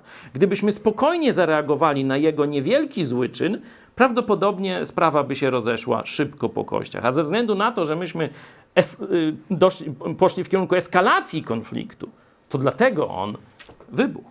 Nie? Czyli on zrobił coś na początku złego, ale to nasza reakcja doprowadziła do wielkiego zranienia i awantury. Przecież każdy z Was ćwiczy to w małżeństwach dokładnie podobnie. Stąd zacząłem od tej analogii i już na nią kończę. Na niej kończę. Ostatni, szósty punkt. Może się Wam wydawać dziwny. Ja też go przez długi czas nie y, formułowałem, ale usłyszałem go u pewnego angielskiego nauczyciela Biblii. On, będąc kiedyś u nas, wypowiedział to i ja tak, mając już dość duże doświadczenie pasterskie, stwierdziłem, ty, ten chłop ma rację. Otóż on powiedział coś takiego. Jak przychodzisz do kościoła, to ty masz się dostosować do pastora tego kościoła, a nie on do ciebie. Bo jak ci się nie podoba pastor tego kościoła, to poszukaj sobie innego kościoła z innym pastorem. Wydaje się to proste. Nie? Czy przychodzisz do jakiejś społeczności, w którą chcesz się włączyć, to musisz najpierw ocenić, czy ta społeczność ci pasuje, czy ją akceptujesz. I tu, owszem, poznanie doktrynalne, no ale to jest takie abecadło, to każdy wie, czy tam stosują Boże zasady i tak dalej, to też każdy wie. Ale ten element długo nie, nie funkcjonował w naszym nauczaniu, a teraz funkcjonuje właśnie dzięki temu bratu w Chrystusie. On pochodzi z kraju, gdzie ta ciągłość kościołów chrześcijańskich ma już ponad 500 lat. Nie, jeszcze nie ma 500 lat. Jeszcze 8 zostało. Tak? To my mieliśmy dłuższą, ale nam zostało 5, 1525, ale przerwaną, przerwaną przez jezuicką kontreformację. Anglia miała doświadczenia kościelne dużo, dużo bogatsze i oni do tego doszli. Rzeczywiście, jak się nad tym zastanowić, to poparcie dla tego punktu jest jasne w Biblii. Nie? Czyli upewnij się, że ufasz i akceptujesz swojego pastora. Jeśli nie ufasz pastorowi, nie przychódź do kościoła, który on prowadzi. Jeśli nie akceptujesz jego stylu kazania, to po co się będziesz katował przez najbliższe 20 czy 30 lat?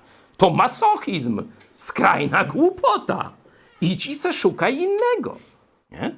Jeden jest bardziej dynamiczny, inny bardziej naukowy, jeden mówi głośniej, drugi nudno i różnie. Co ci pasi, szukaj. Ale kiedy już wybierzesz kościół, to upewnij się, że ufasz temu człowiekowi i akceptujesz jego styl przywództwa, kazania i różnych takich rzeczy.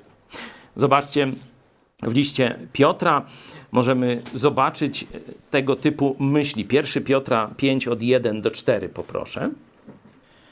I starszych więc wśród was napominam, jako również starszy i świadek cierpień Chrystusowych oraz współuczestnik chwały, która ma się objawić.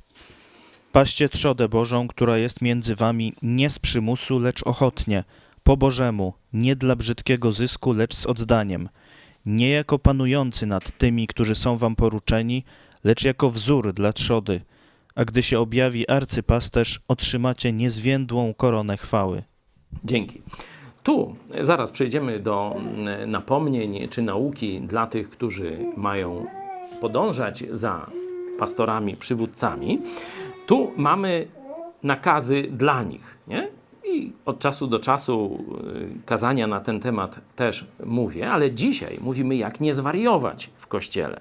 I chcę, żebyście zauważyli, że tu pokazany jest Jezus jako arcypasterz, ale poszczególni przywódcy kościoła są przedstawiani jako pasterze. Paście trzodę Bożą, która jest między wami 5-2. Oczywiście jak i że można to źle robić i dobrze robić, to jest oczywista oczywistość, nie? ale mam nadzieję, że nikomu nie uchodzi to uwagi, że tutaj jest absolutnie jasno wykazana rola ludzkich pastorów. Oczywiście mamy arcypasterza, który jest Jezus Chrystus, ale Bóg tak zbudował Kościół, że są też Jego przywódcy, którzy wykonują rolę pasterzy tego konkretnego stada. I teraz, jeśli już tu widzimy arcypasterz jako wzór i poszczególnych pastorów jako tych, którzy się opiekują poszczególnymi kościołami, możemy zastosować, zobaczcie, Ewangelię z, tego, z, z Ewangelii Jana, wzorzec, jaka więź łączy Jezusa jako naszego arcypasterza z każdym z nas. Gdy wszystkie swoje wypuści, idzie przed nimi, owce zaś idą za nim, gdyż znają jego głos. Za obcym natomiast nie pójdą, lecz uciekną od niego, ponieważ nie znają głosu obcych. Amen. Zobaczcie. W danym kościele owce muszą znać głos swojego pastora, swojego pasterza, czyli muszą mu ufać. Nie? A jak on mówi, to z zasady prowadzi nas w dobrą stronę. Nie, że pastor powie, no to teraz się robimy to, czy tam. E, to pewnie głupio gada. Ja wiem lepiej. A dlaczego ty wisz lepiej, wiś ta wio? Bo pastor który jest w tym kościele, mam na, na myśli biblijny kościół, to ma za sobą i 20, 30, może 50 lat służby, które każdy ocenił, ma świadectwo wierności Jezusowi Chrystusowi swoim życiem. Musiał też udowodnić to wcześniej, wychowując swoje dzieci i sprawić, by jego żona z nim nie zwariowała. Jesteś przy zdrowych zmysłach? No, no to, to wszystko pasi.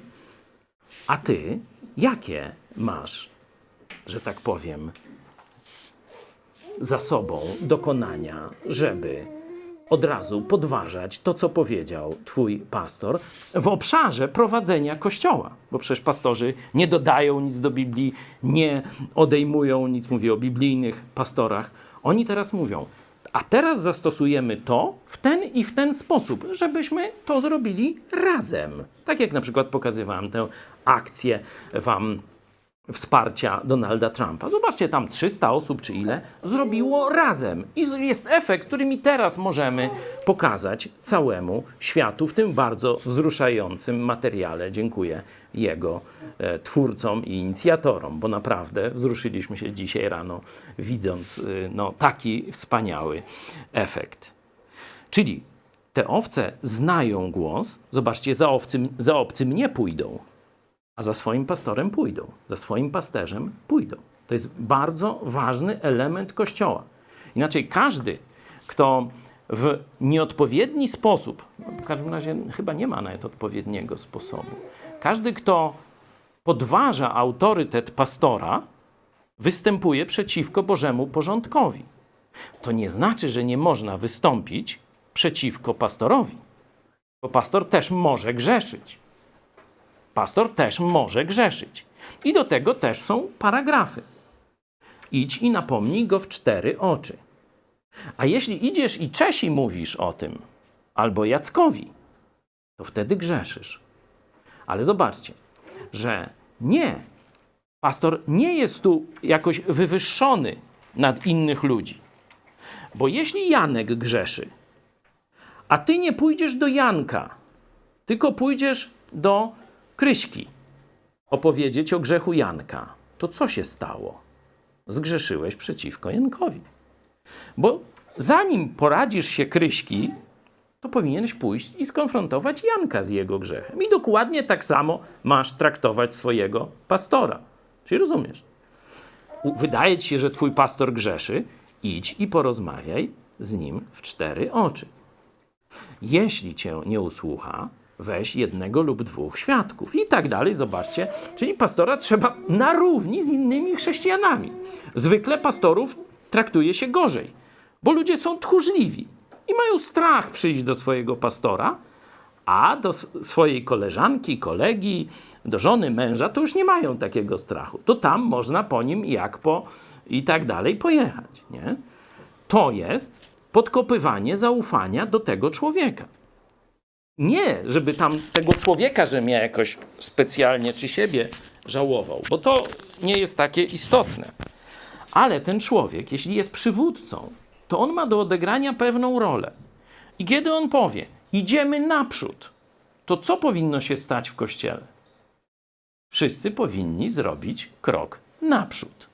A jeśli ty podminowałeś zaufanie do trzech, pięciu czy dziesięciu ludzi w kościele, ten grzech nazywa się szemraniem, apostoł Paweł też o nim pisał, także w liście do Koryntian, podsrywaniem my to nazywamy, to teraz dziesięć osób, których ty podesrałeś zaufanie do pastora, będzie miało problem intelektualny. Czy naprawdę posłuchać jego głosu, czy pójść ten krok do przodu.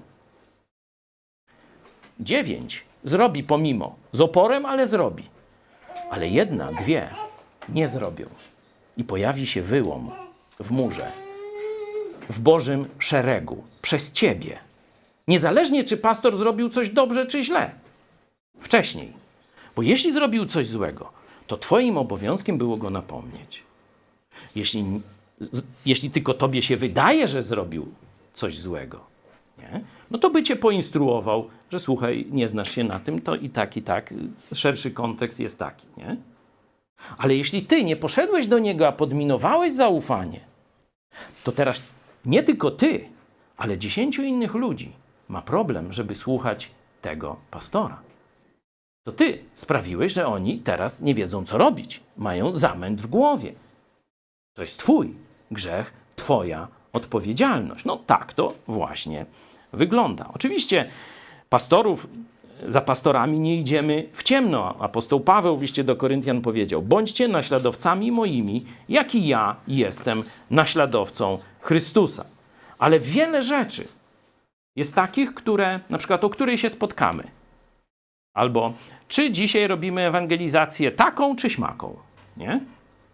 To nie jest opisane w Biblii. Tego nie możesz przypisać temu, że to jest cecha charakteru Chrystusa, czy złamanie lub realizowanie woli Jezusa Chrystusa. To są, że tak powiem, porządkowe, tak jak to rozdawanie jedzenia przysłowiowe w dziejach apostolskich.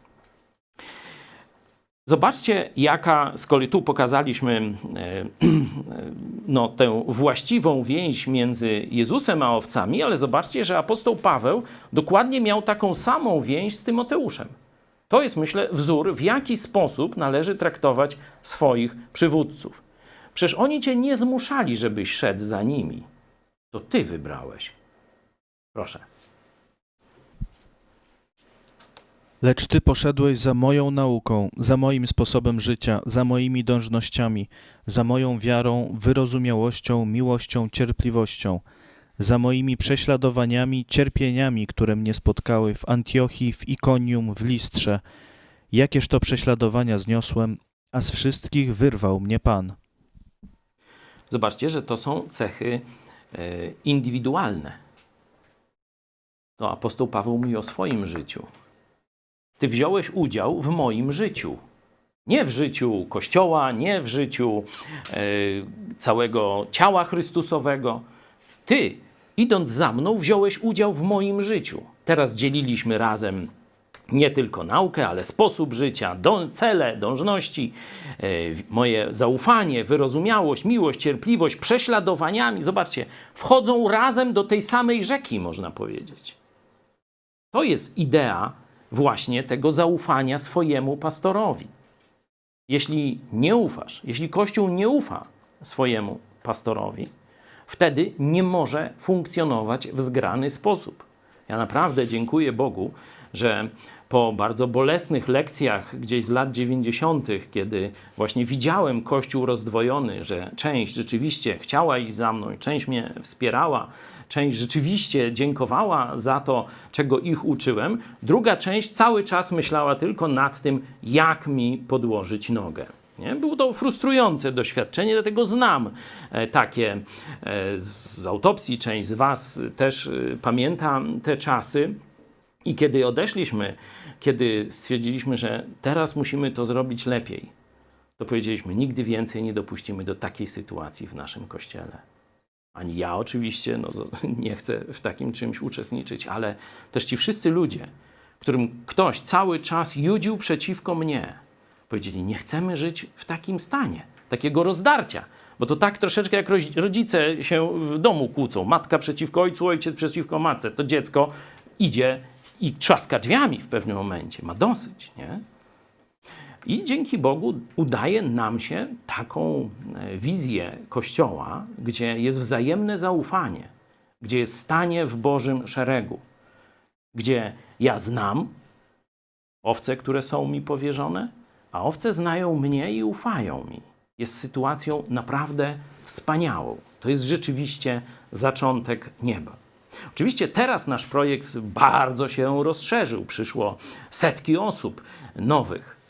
Uczymy Was, ale jasno mówię, nie pasuje Wam.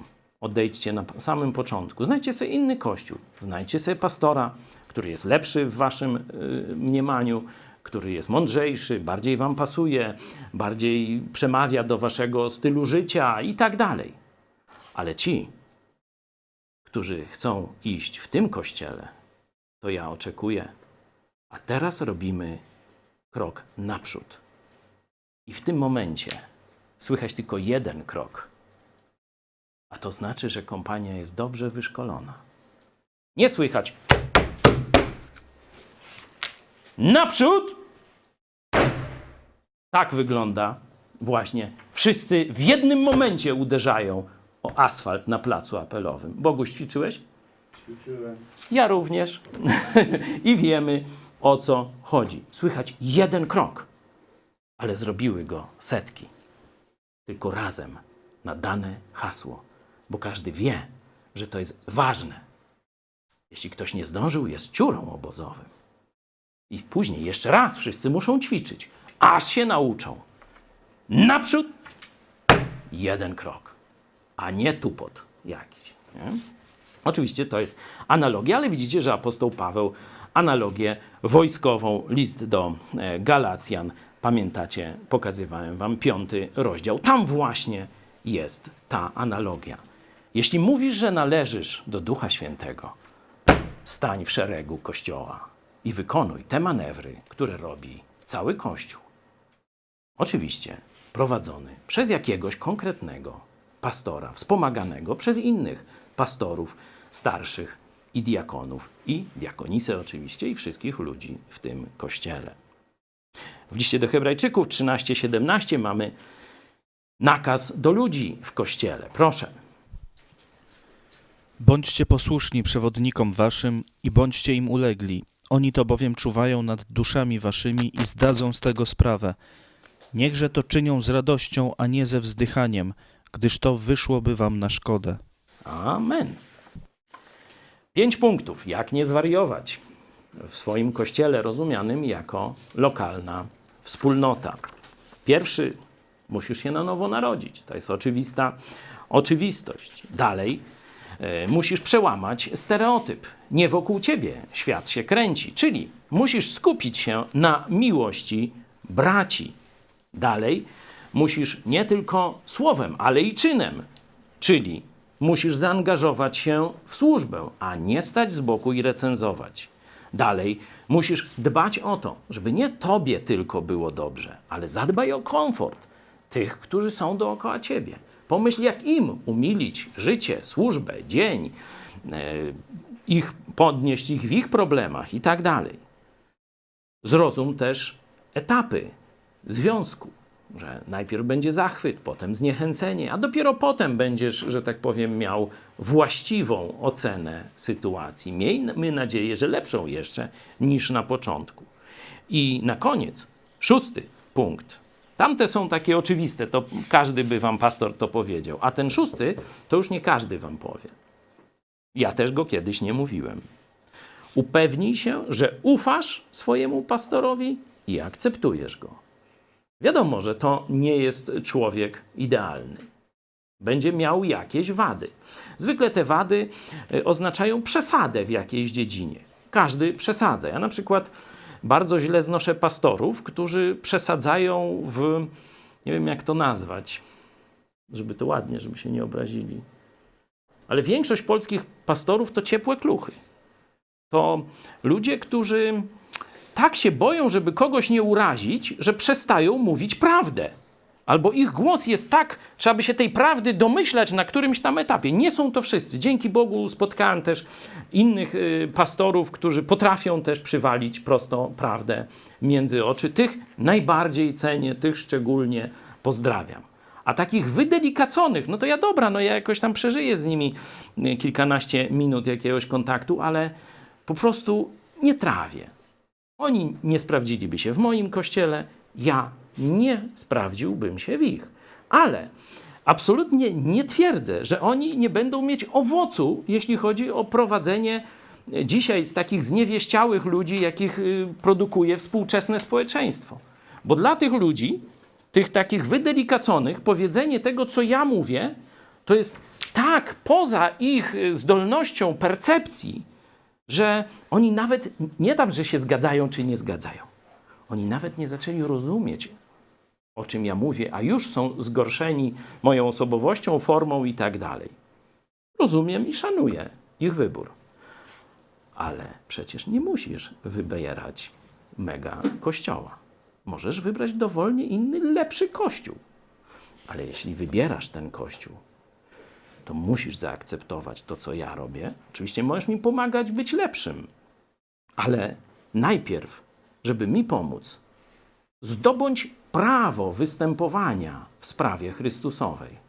To, co mówiłem o diakonach. Pokaż swoje efekty. Niech ci coś się pojawi na pagonach, inaczej mówiąc, w wojsku. Nie? Niech ci coś zaświeci na pagonie, żebyś mógł się czymś wykazać. To wtedy Twoja krytyka czy poprawianie będzie dużo, dużo skuteczniejsze. A najpierw skup się na tym, żeby zdobyć pierwszą belkę na swoim pagonie. Wcale nie jest to takie łatwe, przynajmniej w naszym kościele. Bo ja i każdy z tych, którzy już tu są, jeśli jesteś nowy, to oczekuję od ciebie, że szybko nauczysz się, co to znaczy iść z nami w jednym szeregu. Nie uważamy, że to jest nasz szereg. To jest szereg ducha Jezusa Chrystusa. On idzie przed nami. On nam błogosławi. On daje moc. On daje siłę swemu ludowi. A teraz kończymy nasze spotkanie chrześcijańskie i zapraszam Was na zakończenie zjazdu.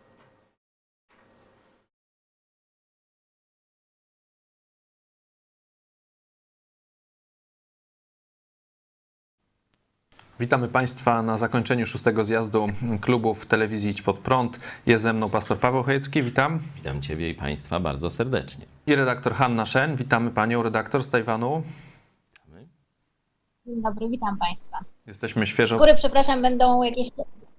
Będzie e, burza, która jest w tej chwili na Tajwanie i tutaj no, grzmi nieźle, także mogą być jakieś dodatkowe efekty. Przepraszam. Myśmy mieli też takie efekty w czwartek, e, ale dzięki Bogu potem już burze nas omijały, także e, tylko raz mieliśmy problem z internetem.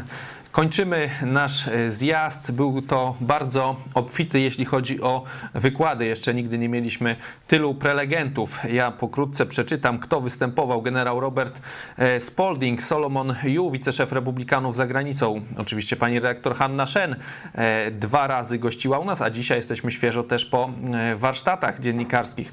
Andrzej Kolarz, burmistrz największej dzielnicy w Pradze, Manian, szef Epoch Times Europa, Jan Jekielek, e, Epoch Times oraz trzech naszych gości specjalnych z Hongkongu, liderów e, walki teraz o niepodległość czy o wolność e, w ogóle w Hongkongu. Sunny Chang, Simon Cheng i Julian Chan. Był z nami też w czwartek dr Anders Kor, specjalista, analityk wywiadu wojskowego USA. Wczoraj był Avi Yemini, dziennikarz, e, izraelski dziennikarz e, w Australii, e, Ster News. Oczywiście pastor Paweł Chojecki, a także dziękujemy em, ludziom, którzy nas wsparli, nie występowali em, bezpośrednio, ale nagrali e, filmiki krótkie, które prezentowaliśmy dla Was. E, To pastor Bob, Kraft, amerykański Eric Howind, dyrektor Creation Today i Marcin Hakemer Fernandez z Fundacji Studium e, na początku zjazdu gościł u nas. Może na początek poproszę Was o krótkie podsumowanie zjazdu. Pani redaktor, jak Pani podsumuje ten nasz czterodniowy maraton? Po raz kolejny wydaje się, mam takie odczucie, że nasze działania są naprawdę ważne. To jest któreś mówię po raz kolejny, bo w tym roku mieliśmy e, naprawdę bardzo udaną akcję z petycją, która jak jak się okazuje jest nie tylko wydarzeniem dla nas tutaj środowiska Idź Pod Prąd, ale będzie i ma już bardzo ważne reperkusje międzynarodowe. Także wydaje mi się takim ważnym momentem było to, co się e, stało z, wokół e, e, pani e, Grety Sam, e, Samuel i reakcja Idź Pod Prąd, wsparcie i, i, i, i, popieranie wielu osób związanych ze środowiskiem i Idź Pod Prąd, to także taki ważny moment. No i ta, e, e, to, e, ten zjazd, który, no jak sami Państwo mówicie, największy udział prelegentów, wielka właściwie międzynarodowa konferencja, tak to można nazwać, pokazująca, że no, jesteśmy w stanie zgromadzić ludzi myślących podobnie, ludzi opowiada, opo- opowiadających się po stronie wolności, bardzo dobrze rozumiejących zagrożenie ze strony komunizmu, ludzi z całego świata. To już nie jest e, środowisko i idź pod prąd tylko i wyłącznie z Lublina, chociaż oczywiście to jest na, najważniejsza część tego. To nie są już tylko kluby w wielu miejscach w Polsce, ale naprawdę z nami są gotowi współpracować i występować e, ludzie podobnie myślący na całym świecie. Y, takich rzeczy, ja nie byłam w stanie prze, jeszcze przejrzeć wszystkiego, bo czasem z powodu różnicy, róż, różnicy, różnicy czasu, no nie mogłam obejrzeć wszystkiego, ale starałam się jak najwięcej zobaczyć. Z takich rzeczy, jeżeli mogę podać od siebie, co mi wydaje mi się, że warto be, i będę na pewno do tego jeszcze często wracać, to są takich kilka wypowiedzi. To, co mówili generał Spalding i Solomon Yu o tym, że no, za tymi protestami, które w tej chwili odbywają się w Stanach Zjednoczonych, stoją także Chińczycy. O tym bardzo często musimy przypominać i, i, i, musimy zrobić wszystko, żeby to było także w świadomości Polaków. Bardzo, bardzo istotne było dla mnie i takie zupełnie niezauważone przez innych, to co powiedział Solomon Yu o reakcji Indii e, na ten konflikt Indii, e, przygraniczny Indii z Chinami, na tę reakcję, co, na to, co zrobiły e, media w Indiach, że media właśnie no tutaj pokazały bardzo mocne stanowisko Indii, przypomniała, powiedziały Chińczykom, no będziecie szli w ten konflikt, no to my wyzwolimy Tybet. To jest taka ważna lekcja dla wszystkich krajów, które się zastanawiają, jak sobie radzić z Chinami. To znaczy, to nam mówi, że Chiny tak naprawdę szanują i są w stanie negocjować i w tych negocjacjach nawet ustąpić tylko z takim partnerem, który no, potrafi im, jest konsekwentny i broni swojego stanowiska i potrafi im się postawić. Tego komuniści najbardziej e, się boją. E, Wystąpienie e, burmistrza jednego z, e, z dzielnic w Pradze, pana Kolarza i to jego, no właśnie to, to przypomnienie, że no, no wydaje się, jak patrzymy na, na historię Europy Środkowej, no niby tego komunizmu nie ma, ale to totalitarne myślenie jest bardzo mocno w nas i ono jest pewnie w każdym z nas w jakiś sposób jesteśmy tym wirusem skażeni, ale bardzo silnie to widać w wielu naszych, naszych politykach. Także to było takie bardzo dla mnie no, istotne. Bardzo się cieszę, że wczoraj na, na panelu zaczęto właściwie od Tajwanu i można mie, mieć takie wrażenie i chciałam, żebyście Państwo mieli, że ta mała wyspa jest tak naprawdę ma być na życzenie Chin e, w izolacji, a ta izo, po, ro- po, po, dopuszczanie do takiej izolacji, a, a powiadanie się po stronie Chin, e, nawiązywanie większych kontaktów e, z Chinami i zupełnie od- odrzucenie Tajwanu, to jest to między innymi, co robią większość polityków w Polsce, może nawet doprowadzić do trag- tragedii i to pokazał nam właśnie wirus e, KPH. Pastor Paweł podsumowanie zjazdu. No, praktycznie zgadzam się z tym, co powiedziała pani redaktor, jeśli chodzi o ocenę e, prelegentów, także tu nie będę e, tego powtarzał. Też dla mnie takim przeżyciem było wystąpienie naszego przyjaciela z Republiki Czeskiej, że do tej pory no, szukaliśmy kontaktów raczej trochę dalej. Oczywiście mieliśmy wcześniej kontakty e, z Węgrami, to już od wielu, wielu e, lat. E, Ale niestety, jak wiemy, Węgry przeszły w tym kierunku bardziej prochińskim.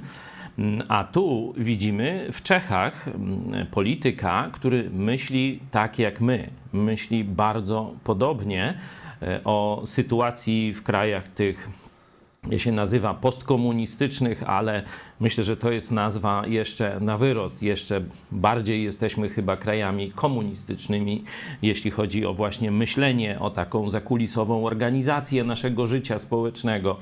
Że w takich zewnętrznych statystykach, w zewnętrznych jakichś mm, instytucjach, organach to wygląda nawet jeszcze powiedzmy podobnie jak na Zachodzie, e, ale w rzeczywistości tu przykładowo podam, e, jak na przykład policja e, potrafi bardzo szybko złapać e, sprawców jakichś ataków na ministra Szumowskiego, a w ogóle nie potrafi złapać ataków na pastorów Kościoła Nowego Przymierza. No to jest taka dysproporcja, myślę, że nieprzypadkowa, tylko systemowa. Właśnie to jest pozostałość tego komunizmu w nas, w poszczególnych urzędnikach i tak dalej. No ale Chciałem wrócić do ogólnej e, myśli po tym zjeździe. Pokazaliśmy po raz kolejny ten kierunek idź pod prąd. Zobaczcie, otwórzcie sobie dowolny polski portal czy gazetę. Czym tam ludzie żyją? Wyborami, długim weekendem, Wakacje. e, wakacje co Czy tam będzie dzieje można wyjechać nad morze, czy w nie? kurortach, czy tam w, w sklepie, znaczy w tej smażalni ryb, tam w maseczkach, czy bez maseczki, o takie tam e, rzeczy. A my cały ten czas poświęciliśmy walce z najważniejszym zagrożeniem, z tym, że komunizm chiński przeszedł do fazy globalnej, czyli że staje się globalizmem, który chce ogarnąć cały świat. I tu w chocholim tańcu, tak jak na maturze było o weselu, y, świat sobie śpi, a tylko ludzie wybudzeni, czyli środowisko Idź pod prąd, mówi o rzeczach ważnych. I już czytałem niektóre z Waszych opinii, e, to dla Was rzeczywiście podobny odbiór tego wydarzenia nastąpił, że zobaczyliście ogromną kopalnię wiedzy i też człowiek staje w obliczu rzeczywistości nie żyje tą papką medialną, tylko staje w obliczu rzeczywistości. To jest dla nas bardzo, bardzo e, ważne. Cieszę się też, że naszym amerykańskim przyjaciołom pokazaliśmy dwie sprawy. Pierwsze, że z Rosją nie da się zbudować żadnej trwałej koalicji. Jak oni to wykorzystają, nie wiemy. Oczywiście trzeba by jeszcze więcej ten temat pogłębić. Może będzie czas na pisanie teraz artykułów, czy jakichś opracowań, raportów, pokazanie też tego historycznego, cywilizacyjnego tła w większym jeszcze, e, większym jeszcze rozmiarze, ale cieszę się, że ten sygnał poszedł. Drugi ważny e, sygnał e, dotyczył wartości duchowych, jakie niesie Ameryka. Myślę, że sama Ameryka zapomina o swoim największym atucie, czyli właśnie o fundamentach chrześcijańskich i że to powinna światu pokazywać. Oczywiście powinna pokazywać dobrobyt, y, wspaniałą armię, dobrze zorganizowane społeczeństwo, swobody obywatelskie i tak dalej, i tak dalej. Ale jeśli nie pokaże korzenia, to to wszystko zwiędnie jak kwiatek ścięty od, z rośliny, wstawiony do wazonu jeszcze przez kilka dni ładnie może nawet się rozwijać, ale w dłuższej perspektywie czasowej zwiędnie i zgnije. Także Ameryka bez tych korzeni tak samo nie przetrwa. E, Cieszę się, że ta akcja e, Christians for e, USA spotkała się z tak wielką, wielką waszą reakcją, z waszym odzewem. Za chwilę jeszcze do niej wrócę, ale najpierw powiem jeszcze zdanie o was. Bo to wszystko, co się tutaj stało, nie byłoby możliwe bez waszego codziennego wsparcia. Bez tego, że jesteście z nami, dajecie oglądalność pomimo różnych ataków na nas, wygaszania, tam e, przerywania, blokowania i tak dalej, to wy wiernie jesteście z nami wiernie też bierzecie udział we wszystkich naszych akcjach. Od petycji, e, o którą e, tu już e, wiele razy mieliśmy okazję zahaczyć, wychwalając panią Hanię za pomysł, ale też wychwalając właśnie was za wzięcie się każdego dnia do propagowania tej petycji trzy tygodnie i największy sukces w tym obszarze w naszej historii. Teraz ta akcja z Biblią na wzór Trumpa, którą już mamy kilkaset zdjęć i zaraz, zaraz niespodzianka, mam Tak nadzieję. jest, no właśnie, bo- Ale to, pozwól, że dokończ. dokończę. Także to jest wasza zasługa. To, że też modlicie się o nas. My naprawdę widzimy, jak Bóg wspaniale otwiera przed nami przeróżne drzwi, jak pomaga nam prze przekraczać przeszkody, które wydają się nie do przeskoczenia. Jak daje nam siłę, chociaż wydaje się, że już dawno powinniśmy się, że tak powiem, zamęczyć na śmierć. Przecież tu jest niewielka grupa ludzi, która praktycznie całodobowy dyżur ma. Niekiedy trochę śpimy. Oczywiście mówię w pewnej przesadzie, ale czujemy, widzimy wasze wsparcie modlitewne. Dziękujemy Wam też za wsparcie finansowe, bo to, co widzieliście, to jeszcze nie jest nasze nowe studio. To jest tylko scenografia, ale nowe studio w najbliższych, może już dniach, będzie w wersji najpierw takiej economy, a później mam nadzieję, że no, w wersji business class będzie mogło nam wszystkim służyć. Tak jak powiedziałem, nie będzie to jedno studio, ale taka, takie studio matka wraz ze swoimi dziećmi, gdzie będziemy przeróżne programy mogli równolegle dla Was przygotowywać. Także to wszystko stało się dzięki wytrwałości, dzięki temu, że nie zniechęcaliście się, nie mówiliście, o teraz nie wygrali wyborów, no to my odchodzimy i tak dalej. Jesteście z nami ciągle i wiecie, że to jest praca być może na dziesięciolecia, może się uda krócej w ciągu kilku lat, ale na pewno nie uda się w ciągu kilku czy kilkunastu miesięcy.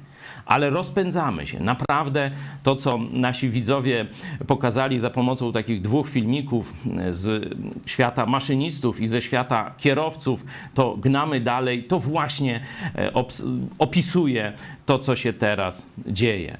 E, Swoją wypowiedź chciałem zakończyć tym, co jeszcze nie udało mi się przekazać do Donalda Trumpa. Zacząłem mówić o tym, że wartości duchowe są fundamentem Ameryki i cały świat wolny świat cieszy się, że prezydent Trump nie wstydzi się mówić o Bogu, nie wstydzi się pokazywać pod kościołem, nie wstydzi się pokazywać z Biblią. I tak jak mówiłem, wcześniej Ameryka myślę, że zasnęła w takim śnie pychy i została teraz, że tak powiem, boleśnie obudzona. Cytowałem Salomona, najmądrzejszego z przywódców politycznych, który właśnie powiedział, że pycha poprzedza upadek. To na koniec powiem z tej samej księgi, z tego samego autora, coś bardzo optymistycznego. To jest w dwóch miejscach tej księgi się to pojawia. Bojaźń Pana jest początkiem poznania, albo bojaźń Pana jest początkiem mądrości. Jeśli Ameryka, jeśli cały wolny świat wrócą do swoich korzeni, jeśli znowu będą właściwie zwracać się, patrzeć na swojego Boga, wtedy nie ma problemu, byśmy pokonali wszelkie zło, jakie stanie na naszej drodze. Wtedy nie zabraknie nam mądrości, wtedy nie będziemy wpadać w pułapki zastawiane przez komunistów. To oni będą spieprzać, gubiąc kalesony lub onuce. A teraz A poprosimy. teraz niespodzianka. Dzisiaj 74. urodziny prezydenta Donalda Trumpa, 14 dzień czerwca i w tym momencie zaprezentujemy Wam filmik krótki telewizji Idź pod prąd z okazji urodzin prezydenta Trumpa. When free world, especially the United States of America, is being attacked by the CCP virus and the Antifa brawls on an unprecedented scale, President Trump has referred to the fundamental values of America, the church and the Bible. When the evil empire wants to win the battle for the souls and minds of people around the world, we Christians cannot stand aside the fall of Christian America will mark the end of Christian civilization around the world. Great politics does not take place only among leaders and in diplomatic salons. Primarily, it takes place in you. Your opinions, your declarations matter. A great river would not exist if it were not created by millions of drops you and I can do something together to bear witness to the truth, to resist evil, and to support people who are fighting in the first line of defense for our civilization. Join the Christians for USA campaign. Take a photo of yourself with the Bible to show your support for the Christian foundations of America and President Donald Trump. Happy birthday, Mr. President. May God bless you and God bless America.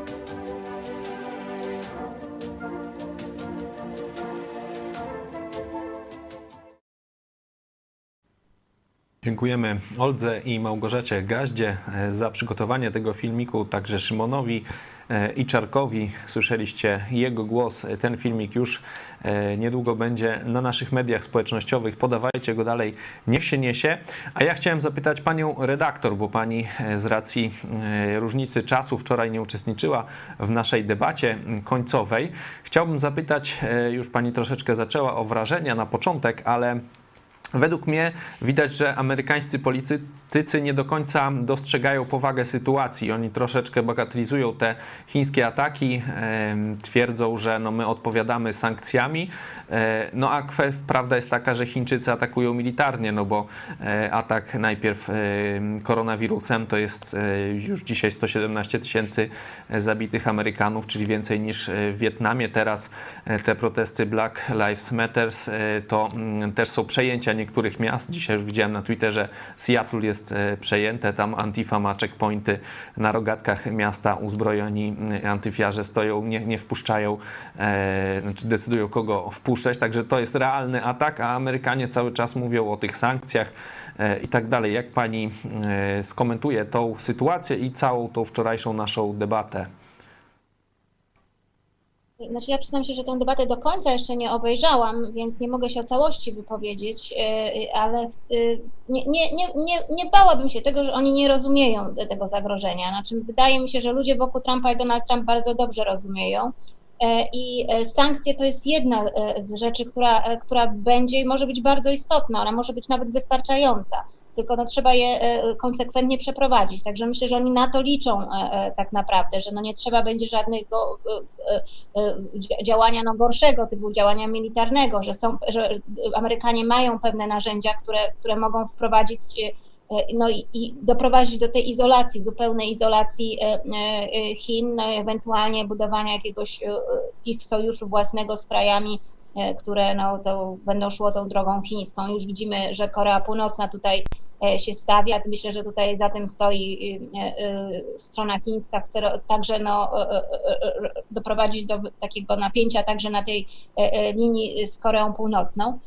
Także nie wydaje mi się, że oni nie, nie zdają sobie sprawy i nie wydaje mi się, że nie chcą e, tego problemu e, rozwiązać, jeżeli chodzi o, o Chiny. Ja bym bardziej mm, jednak e, widać, według mnie widać, że oni nie do końca rozumieją zagrożenie ze strony Rosji. Znaczy zaczynają to jakoś rozumieć, nawet widać nie tylko u, u państwa, państwa uczestników, tylko nawet z tym, co mówi Steve Bannon, który zmienił ton, jeżeli chodzi o Rosję. On uważa, że Rosja jednak opowiada się po stronie Chin nie chce iść dalej z Ameryką, ale jednak wydaje mi się, że w tonie wielu amerykańskich polityków, ludzi związanych z polityką widać takie takie przekonanie, że no jednak mimo wszystko będzie można e, e, e, tą, tą Rosją tą Rosję jakoś przyciągnąć na naszą stronę i tu jest nasza wielka odpowiedzialność. Znaczy, my musimy po prostu o tym zagrożeniu cały czas im mówić i ich przekonywać i dlatego uważam, że takie spotkania są szczególnie ważne, bo o, świat nie dowie się o Polsce na forum Unii Europejskiej tak naprawdę,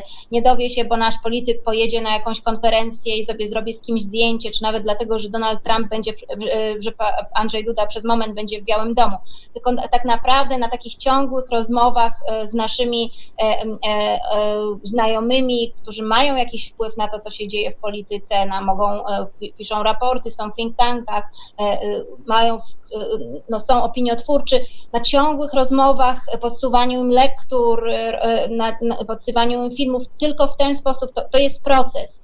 Dlatego takie spotkania są bardzo ważne. I oni, oni także to ich zachęca, podejrzewam. Oni na pewno także będą sięgać po więcej informacji, kiedy są za- zadawane im jakieś pytania i ono, mo, może nie do końca wiedzą, jak na nie odpowiedzieć, a być może nie do końca ten temat patrzyli. Ja myślę, że wielu z tych, z tych ludzi, którzy kiedyś udzieliło wypowiedzi dla państwa telewizji, udziela cały czas, no zupełnie inaczej patrzy w tej chwili na Polskę i, i zupełnie inaczej, dużo poważniej ją traktuje, tylko dlatego, że mają kontakt właśnie z waszą telewizją, bo widzą, jak świetną robotę robicie. Właśnie troszeczkę Pani już odpowiedziała na moje drugie pytanie, bo wczoraj e, no, była pewna dyskusja. E, Pastor Paweł Chojecki właśnie wskazywał, że e, nie da się e, Rosji e, jakby odwrócić, tak? bo e, politycy amerykańscy, Salmon Young, generał Robert Spolnik, no, prezentowali taką politykę Donalda Trumpa, e, która polega na tym, że oni chcą oderwać tych e, sojuszników Chin, te dyktatury jak Korea Północna, jak Iran, jak właśnie Rosja od Chin poprzez obłaskawianie właśnie tych pomniejszych, powiedzmy według nich, e, dyktatorów. E, No jak pani ocenia taką politykę? Czy to ma szansę sukcesu, takie odłączenie? I czy to rzeczywiście, po pierwsze, czy to by osłabiło Chiny, a dwa, czy, czy rzeczywiście to ma szansę sukcesu, że nie wiem, że Korea Korea Północna przejdzie na stronę amerykańską, czy że Rosja przejdzie na stronę amerykańską przeciwko Chinom? No, widzimy, że w przypadku Korei Północnej to w ogóle nie jest możliwe. No, przez dwa lata Donald Trump próbował coś tutaj zmienić i teraz jest wydane oświadczenie strony Korei Północnej z okazji tego szczytu w Singapurze, który jest atakiem na Stany Zjednoczone w tej chwili, to oświadczenie. Także widać, no tu oczywiście mówię, ten element chiński jest bardzo ważny. No, widać bardzo jasno, że Kim Jong-un działa tak, jak mu powie Xi Jinping, jest, na, e, e, jest taką jego mar marionetką, więc liczenie na to, że raptem e, on się jakoś zmieni, nie, no to nie nastąpi. To samo będzie w kwestii Rosji, tylko musimy pamiętać, że Rosjanie mają bardzo e, dobrą i, i agenturę, ale także i e, wpływy, tak, tak samo jak mają w tej chwili dobrzy, dobrzy Rosjanie w różnego rodzaju, nawet kręgach politycznych w Stanach Zjednoczonych i podsuwają jakąś swoją narrację. No a my tej, i mogą podsuwać fałszywą narrację Stanów, e, Stanom Zjednoczonym, e, taką, że no, no u nas się może coś zmienić, prawda? To jest, my możemy być zupełnie e, inni. Ja kiedyś Państwu opo- opowiadałam, że było takie seminarium poświęcone temu, co się dzieje właśnie a propos Chin i temu, co się dzieje w Europie. Brał w niej udział i to było chyba gdzieś w Azji Centralnej, jeżeli dobrze pamiętam. Był, brał w tym udział Bannon i był przedstawiciel Rosji. Oni sobie tam podyskutowali bardzo tak no, przyjaźnie na tym panelu i zaraz po tym panelu przedstawiciel Rosji pobiegł i pogadał sobie z Bannonem, także oni wykorzystują takie sytuacje, żeby promować swoją narrację. Problem w Polski polega na tym, że my tego nie robimy że my myślimy, że no jak nasz polityk coś na, na otwarcie powie w Polsce po polsku, no to, to, to, już ma wielki wpływ na politykę międzynarodową, a jednak bardzo dużo rzeczy rozgrywa się e, poza tą główną kurtyną, rozgrywa się właśnie w takich spotkaniach jak ten wczorajszy e, zjazd. No tam ludziom podsywa się pomysły, idee, e, zachęca ich się do, do innego spojrzenia na, na tematy. Także ja nie wierzę w to, że osłabić sojusz, y, y, y, osłabienie sojuszu, sojuszów chińskich, relacji z Rosją czy z Koreą Północną zmieni Chiny, i nie wierzę też, że to będzie, nawet gdyby jakieś były sygnały rosyjskie, że oni są gotowi przejść, że to będzie e, prawdziwe. Także naszym zadaniem jest przekonać stronę amerykańską. Widać w przypadku Banona, że to jest możliwe, bo jak mówię, on zmienił swoją narrację. On już w tej chwili uważa Rosję jako kraj, nie było takiego stanowiska, jako kraj, który opowiedział się jasno po stronie Chin. Także widać, że to jest możliwe, ale no tu jest bardzo dużo do zrobienia. Tego właśnie nie wykonuje strona polska rządowa, która ma najlepsze narzędzia. Tu jeszcze dodam, że chyba tak bardzo e, jak na naszym zjeździe Hongkong nie był reprezentowany nigdzie w Polsce. Myślę, że możemy tu konkurować nawet z zagranicą, z Wielką Brytanią czy ze Stanami Zjednoczonymi. E, rzeczywiście aż tylu e, Hongkongczyków e, wzięło udział, tych, którzy są liderami tych protestów, wzięło udział w naszym zjeździe i tematyka Hongkongu była rzeczywiście na pierwszym planie, jeśli chodzi o konflikt z Chinami, o to miejsce zapalne. Mam nadzieję, że to dotrze też do mieszkańców Hongkongu, a to jest dzisiaj bardzo wpływowa grupa, jeśli chodzi o walkę z komunizmem. I drugie takie radosne wydarzenie, to jest właśnie nawiązanie takich już bliskich relacji z redakcją Epoch Times. E, to jest drugie środowisko e, antykomunistyczne, liczące się w świecie, wywodzące się z Chin. I zobaczcie, że te dwa e, środowiska mogliśmy tutaj zobaczyć. Jeszcze warsztaty z panem Jekielkiem z Epoch Times to jeszcze przed nami. Ale widzicie, że rzeczywiście te środowiska antykomunistyczne zaczynają w Polsce ze sobą współpracować. I no niestety e, nie jest to, że tak powiem, w głównym nurcie polityki polskiej. To pod, e, wracam do tezy pana Kolarza, że w rzeczywistości dominacja komuny w krajach takich jak Polska czy Czechy jest bardzo, bardzo duża.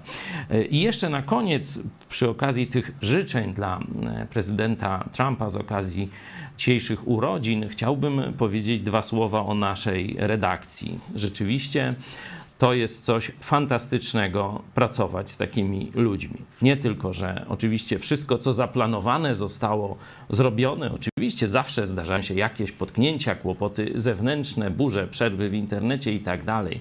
Ale jeśli chodzi o oddanie i zaangażowanie, to na każdym punkcie było tip, top, perfekt. Także wielkie, wielkie dzięki dla każdego i każdej z Was. Ale Okazało się, że nasza redakcja potrafi jeszcze pracować ponad to, co zaplanowane, bo przecież te życzenia dla Trumpa, właśnie tu z pomysłu sióstr gazdównych, e, to jest coś ekstra. My już tu nie mielibyśmy czasu tego zrobić, a zobaczcie, jak przyszła pomoc z zewnątrz, to pokazuje, że rzeczywiście nasz zespół funkcjonuje tak, jak e, powinien. Czyli kiedy jeden słabnie, to jest obraz biblijny ciała Chrystusa, kiedy jeden słabnie, to drugi w tym momencie e, wchodzi wyżej i pociąga go i tak dalej. Być może peleton kolarski jest podobnym, podobnym e, obrazem dla tych, którzy bardziej sportem się zajmują. Także przywilejem moim jest pracować wśród Was, wśród takich ludzi i wiem, że z takimi ludźmi to naprawdę jeszcze wiele w Polsce Bóg da nam zrobić. Teraz zaprosimy Państwa na krótki przerywnik, myślę hit tego zjazdu, czyli wypowiedź e, pana Solomona Ju, szefa e, Partii Republikańskiej za granicą do prezydenta Dudy. Zwróćcie uwagę, jak zmienia się głos naszej lektorki e, pod koniec tego tłumaczenia. Co by pan powiedział polskim politykom, na przykład prezydentowi Dudzie, który wychwala mm, komunistyczne partie Chin za to, jak, jak świetnie po prostu poradzili sobie z pandemią COVID-19? Um, and the last question for you, sir. Mm, What would you say to Polish politicians, for example, to President Duda, um, who praised uh, CCP for dealing uh, so well with the COVID-19 pandemic? I think getting too close to CCP is a mistake, and uh, people, I'm, I'm, I'm talking about Polish people now, will make him pay uh, politically. So my advice is, uh, I hope he realize uh, CCP uh, is not going to dominate this world, and uh, kissing uh, Hitler's butt, for lack, lack of better term, is not going to help Poland, is not going to help this free world, is not going to help his own democracy and po- Polish democracy and his political career. That would be my advice to him. Mm, Uważam, że e, zbytnie zbliżanie się do komunistycznej partii Chin, nawiązywanie zbyt bliskich relacji z komunistyczną partią Chin to jest poważny błąd i myślę, że Polacy mm, dopilnują, żeby on politycznie zapłacił za to, co robi. Mam nadzieję, że on zdaje sobie sprawę z tego, że komunistyczna partia Chin nie zdominuje świata, mm, a y, całowanie Hitlera w tyłek nie pomoże ani Polsce, ani światu, ani polskiej demokracji. To bym mu właśnie radził. Całowanie jak Hitlera w tyłek nie pomoże ani światu, ani polskiej demokracji. Myślę, że przesłanie e, z szóstego zjazdu telewizji Idź Pod Prąd. To tak y, zaczynam podejrzewać, że pan Ju rozumie polski i ogląda nasze programy. Poproszę teraz Kornelię o przeczytanie kilku, kilka waszych głosów. Jak wy oceniacie nasz zjazd? E, Odnośnie tego, co mówił pastor Paweł Chojecki, tego teamworku, no to ja ze swojej strony chciałam bardzo podziękować wszystkim, którzy zaangażowali się w oprawę e, zjazdu. I tutaj widać, e, że nasze kluby, kluby Idź Pod Prąd wchodzą na następny taki poziom i już teraz angażują się na całego w telewizję, także mam nadzieję, że po tym zjeździe e, zgłoszą się kolejne osoby i tutaj e, ten teamwork widać również z redakcją Epoch Times. E, Pani Barbara Konieczna e, pomogła nam w zaproszeniu szefa Epoch Times Europa, pana Maniana Ni, także dzięki niej e, mogliśmy go gościć na zjeździe i pani Barbara napisała tak, na co dzień zajmuję się tłumaczeniami i wiem, jak ta praca jest ważna, ale i niedoceniana przez odbiorców, bo traktowana jest jako coś oczywistego i prostego, a tak nie jest. Dlatego chciałam podziękować tłumaczowi za dzielną i świetną robotę w sumie całej ekipie tłumaczy. I e, głos od Marcina. Jestem zachwycony. Normalnie face to face to nie mógłbym brać udziału w zjeździe. Wiadomo, praca, życie. Dzięki tak e, znakomitym gości i e, organizację takiego zjazdu Idź Pod Prąd. Mam nadzieję, że w przyszłości, nawet jak będzie zorganizowany live, to będzie również możliwość oglądania na żywo przez internet. Chcę podziękować całej ekipie technicznej, prowadzącej, tłumaczącej i prelegentom, Wam wszystkim, bo pomimo odległości mogłem i jestem wydarzeniem, jestem świadkiem tego wydarzenia. Nie lubię słodzić, ale jestem pod wrażeniem. Pani redaktor, może do Pani e, pytanie już takie podsumowujące. Jest Pani już e, z nami czwarty rok. E, Jak Pani obserwuje rozwój naszej telewizji? Co się najbardziej rozwinęło? Co jeszcze się powinno rozwinąć? No ja byłam chyba taką zachęcającą do tego hasła gnamy dalej. Ja teraz y, po tym y, zjeździe w tym roku wiem, że żaden wirus komunistyczny nas y, nie, nie pokona. Także mm, teraz już super gnamy dalej. Y, Znaczy ten rozwój widać cały czas. No, możemy robić y, programy, możemy robić y, zjazdy takie, na które przyjeżdżają e, e, e, e, widzowie e, i członkowie klubów Idź Pod Prąd, a możemy także wykorzystać najnowsze technologie, żeby się e, porozumieć i, i- i wymienić e, zdania, opinie z całym światem. No właściwie możemy robić wszystko, ale ponieważ Państwo dzisiaj jeszcze mówiliście o tym całowaniu w tyłek, a są urodziny prezydenta Trumpa, to ja chcę przytoczyć taką wypowiedź, e, którą, e, wypowiedź Jimmy'ego Laya, tego Hongkongczyka, twórcy jednej z czołowych gazet e, w Hongkongu. On powiedział o Donaldzie Trumpie coś takiego. Prezydent Trump rozumie Chiny jak nikt na świecie. E, On jest po prostu dobry w radzeniu sobie z gangsterami. I to myślę, że to, to, to, to są tacy niestety w Polsce i to są ludzie na najwyższych e, e, e, w, w, szczytach władzy, w tym także nas, nasz prezydent, który wolą całować e, tyłki komunistów i nie widzą, że to są po prostu gang, gangsterzy. I takich głosów, programów Idź Pod Prąd, całego zaangażowania państwa potrzeba, żeby Polakom to uświadamiać. I też chcę podziękować za, za tych takich niewidzialnych bohaterów te, tego spotkania, e, zjazdu, szóstego zjazdu, bo rzeczywiście no, wszyscy ci, którzy przyczynili się do tego, że Państwo mogli nas dobrze widzieć, dobrze słyszeć i rozumieć, to są, naj, to są tacy super bohaterowie, dlatego że ja zdaję sobie sprawę, że myśmy się pokazywali na godzinę, na dwie, powiedzieliśmy tam parę, parę zdań, czasem mądrych mniej, czasem super mądrych, a, a oni naprawdę pracowali 24 godziny na dobę i to są naprawdę wielkie dzięki dla tych, dla tych y, y, ludzi i, i oni oddali Wam swój czas, swoje serce szczególnie i dlatego no, myślę, że to jest taki kolejny przykład dla Państwa, jak mocno trzeba wspierać e, e, telewizję e, Idź Pod Prąd.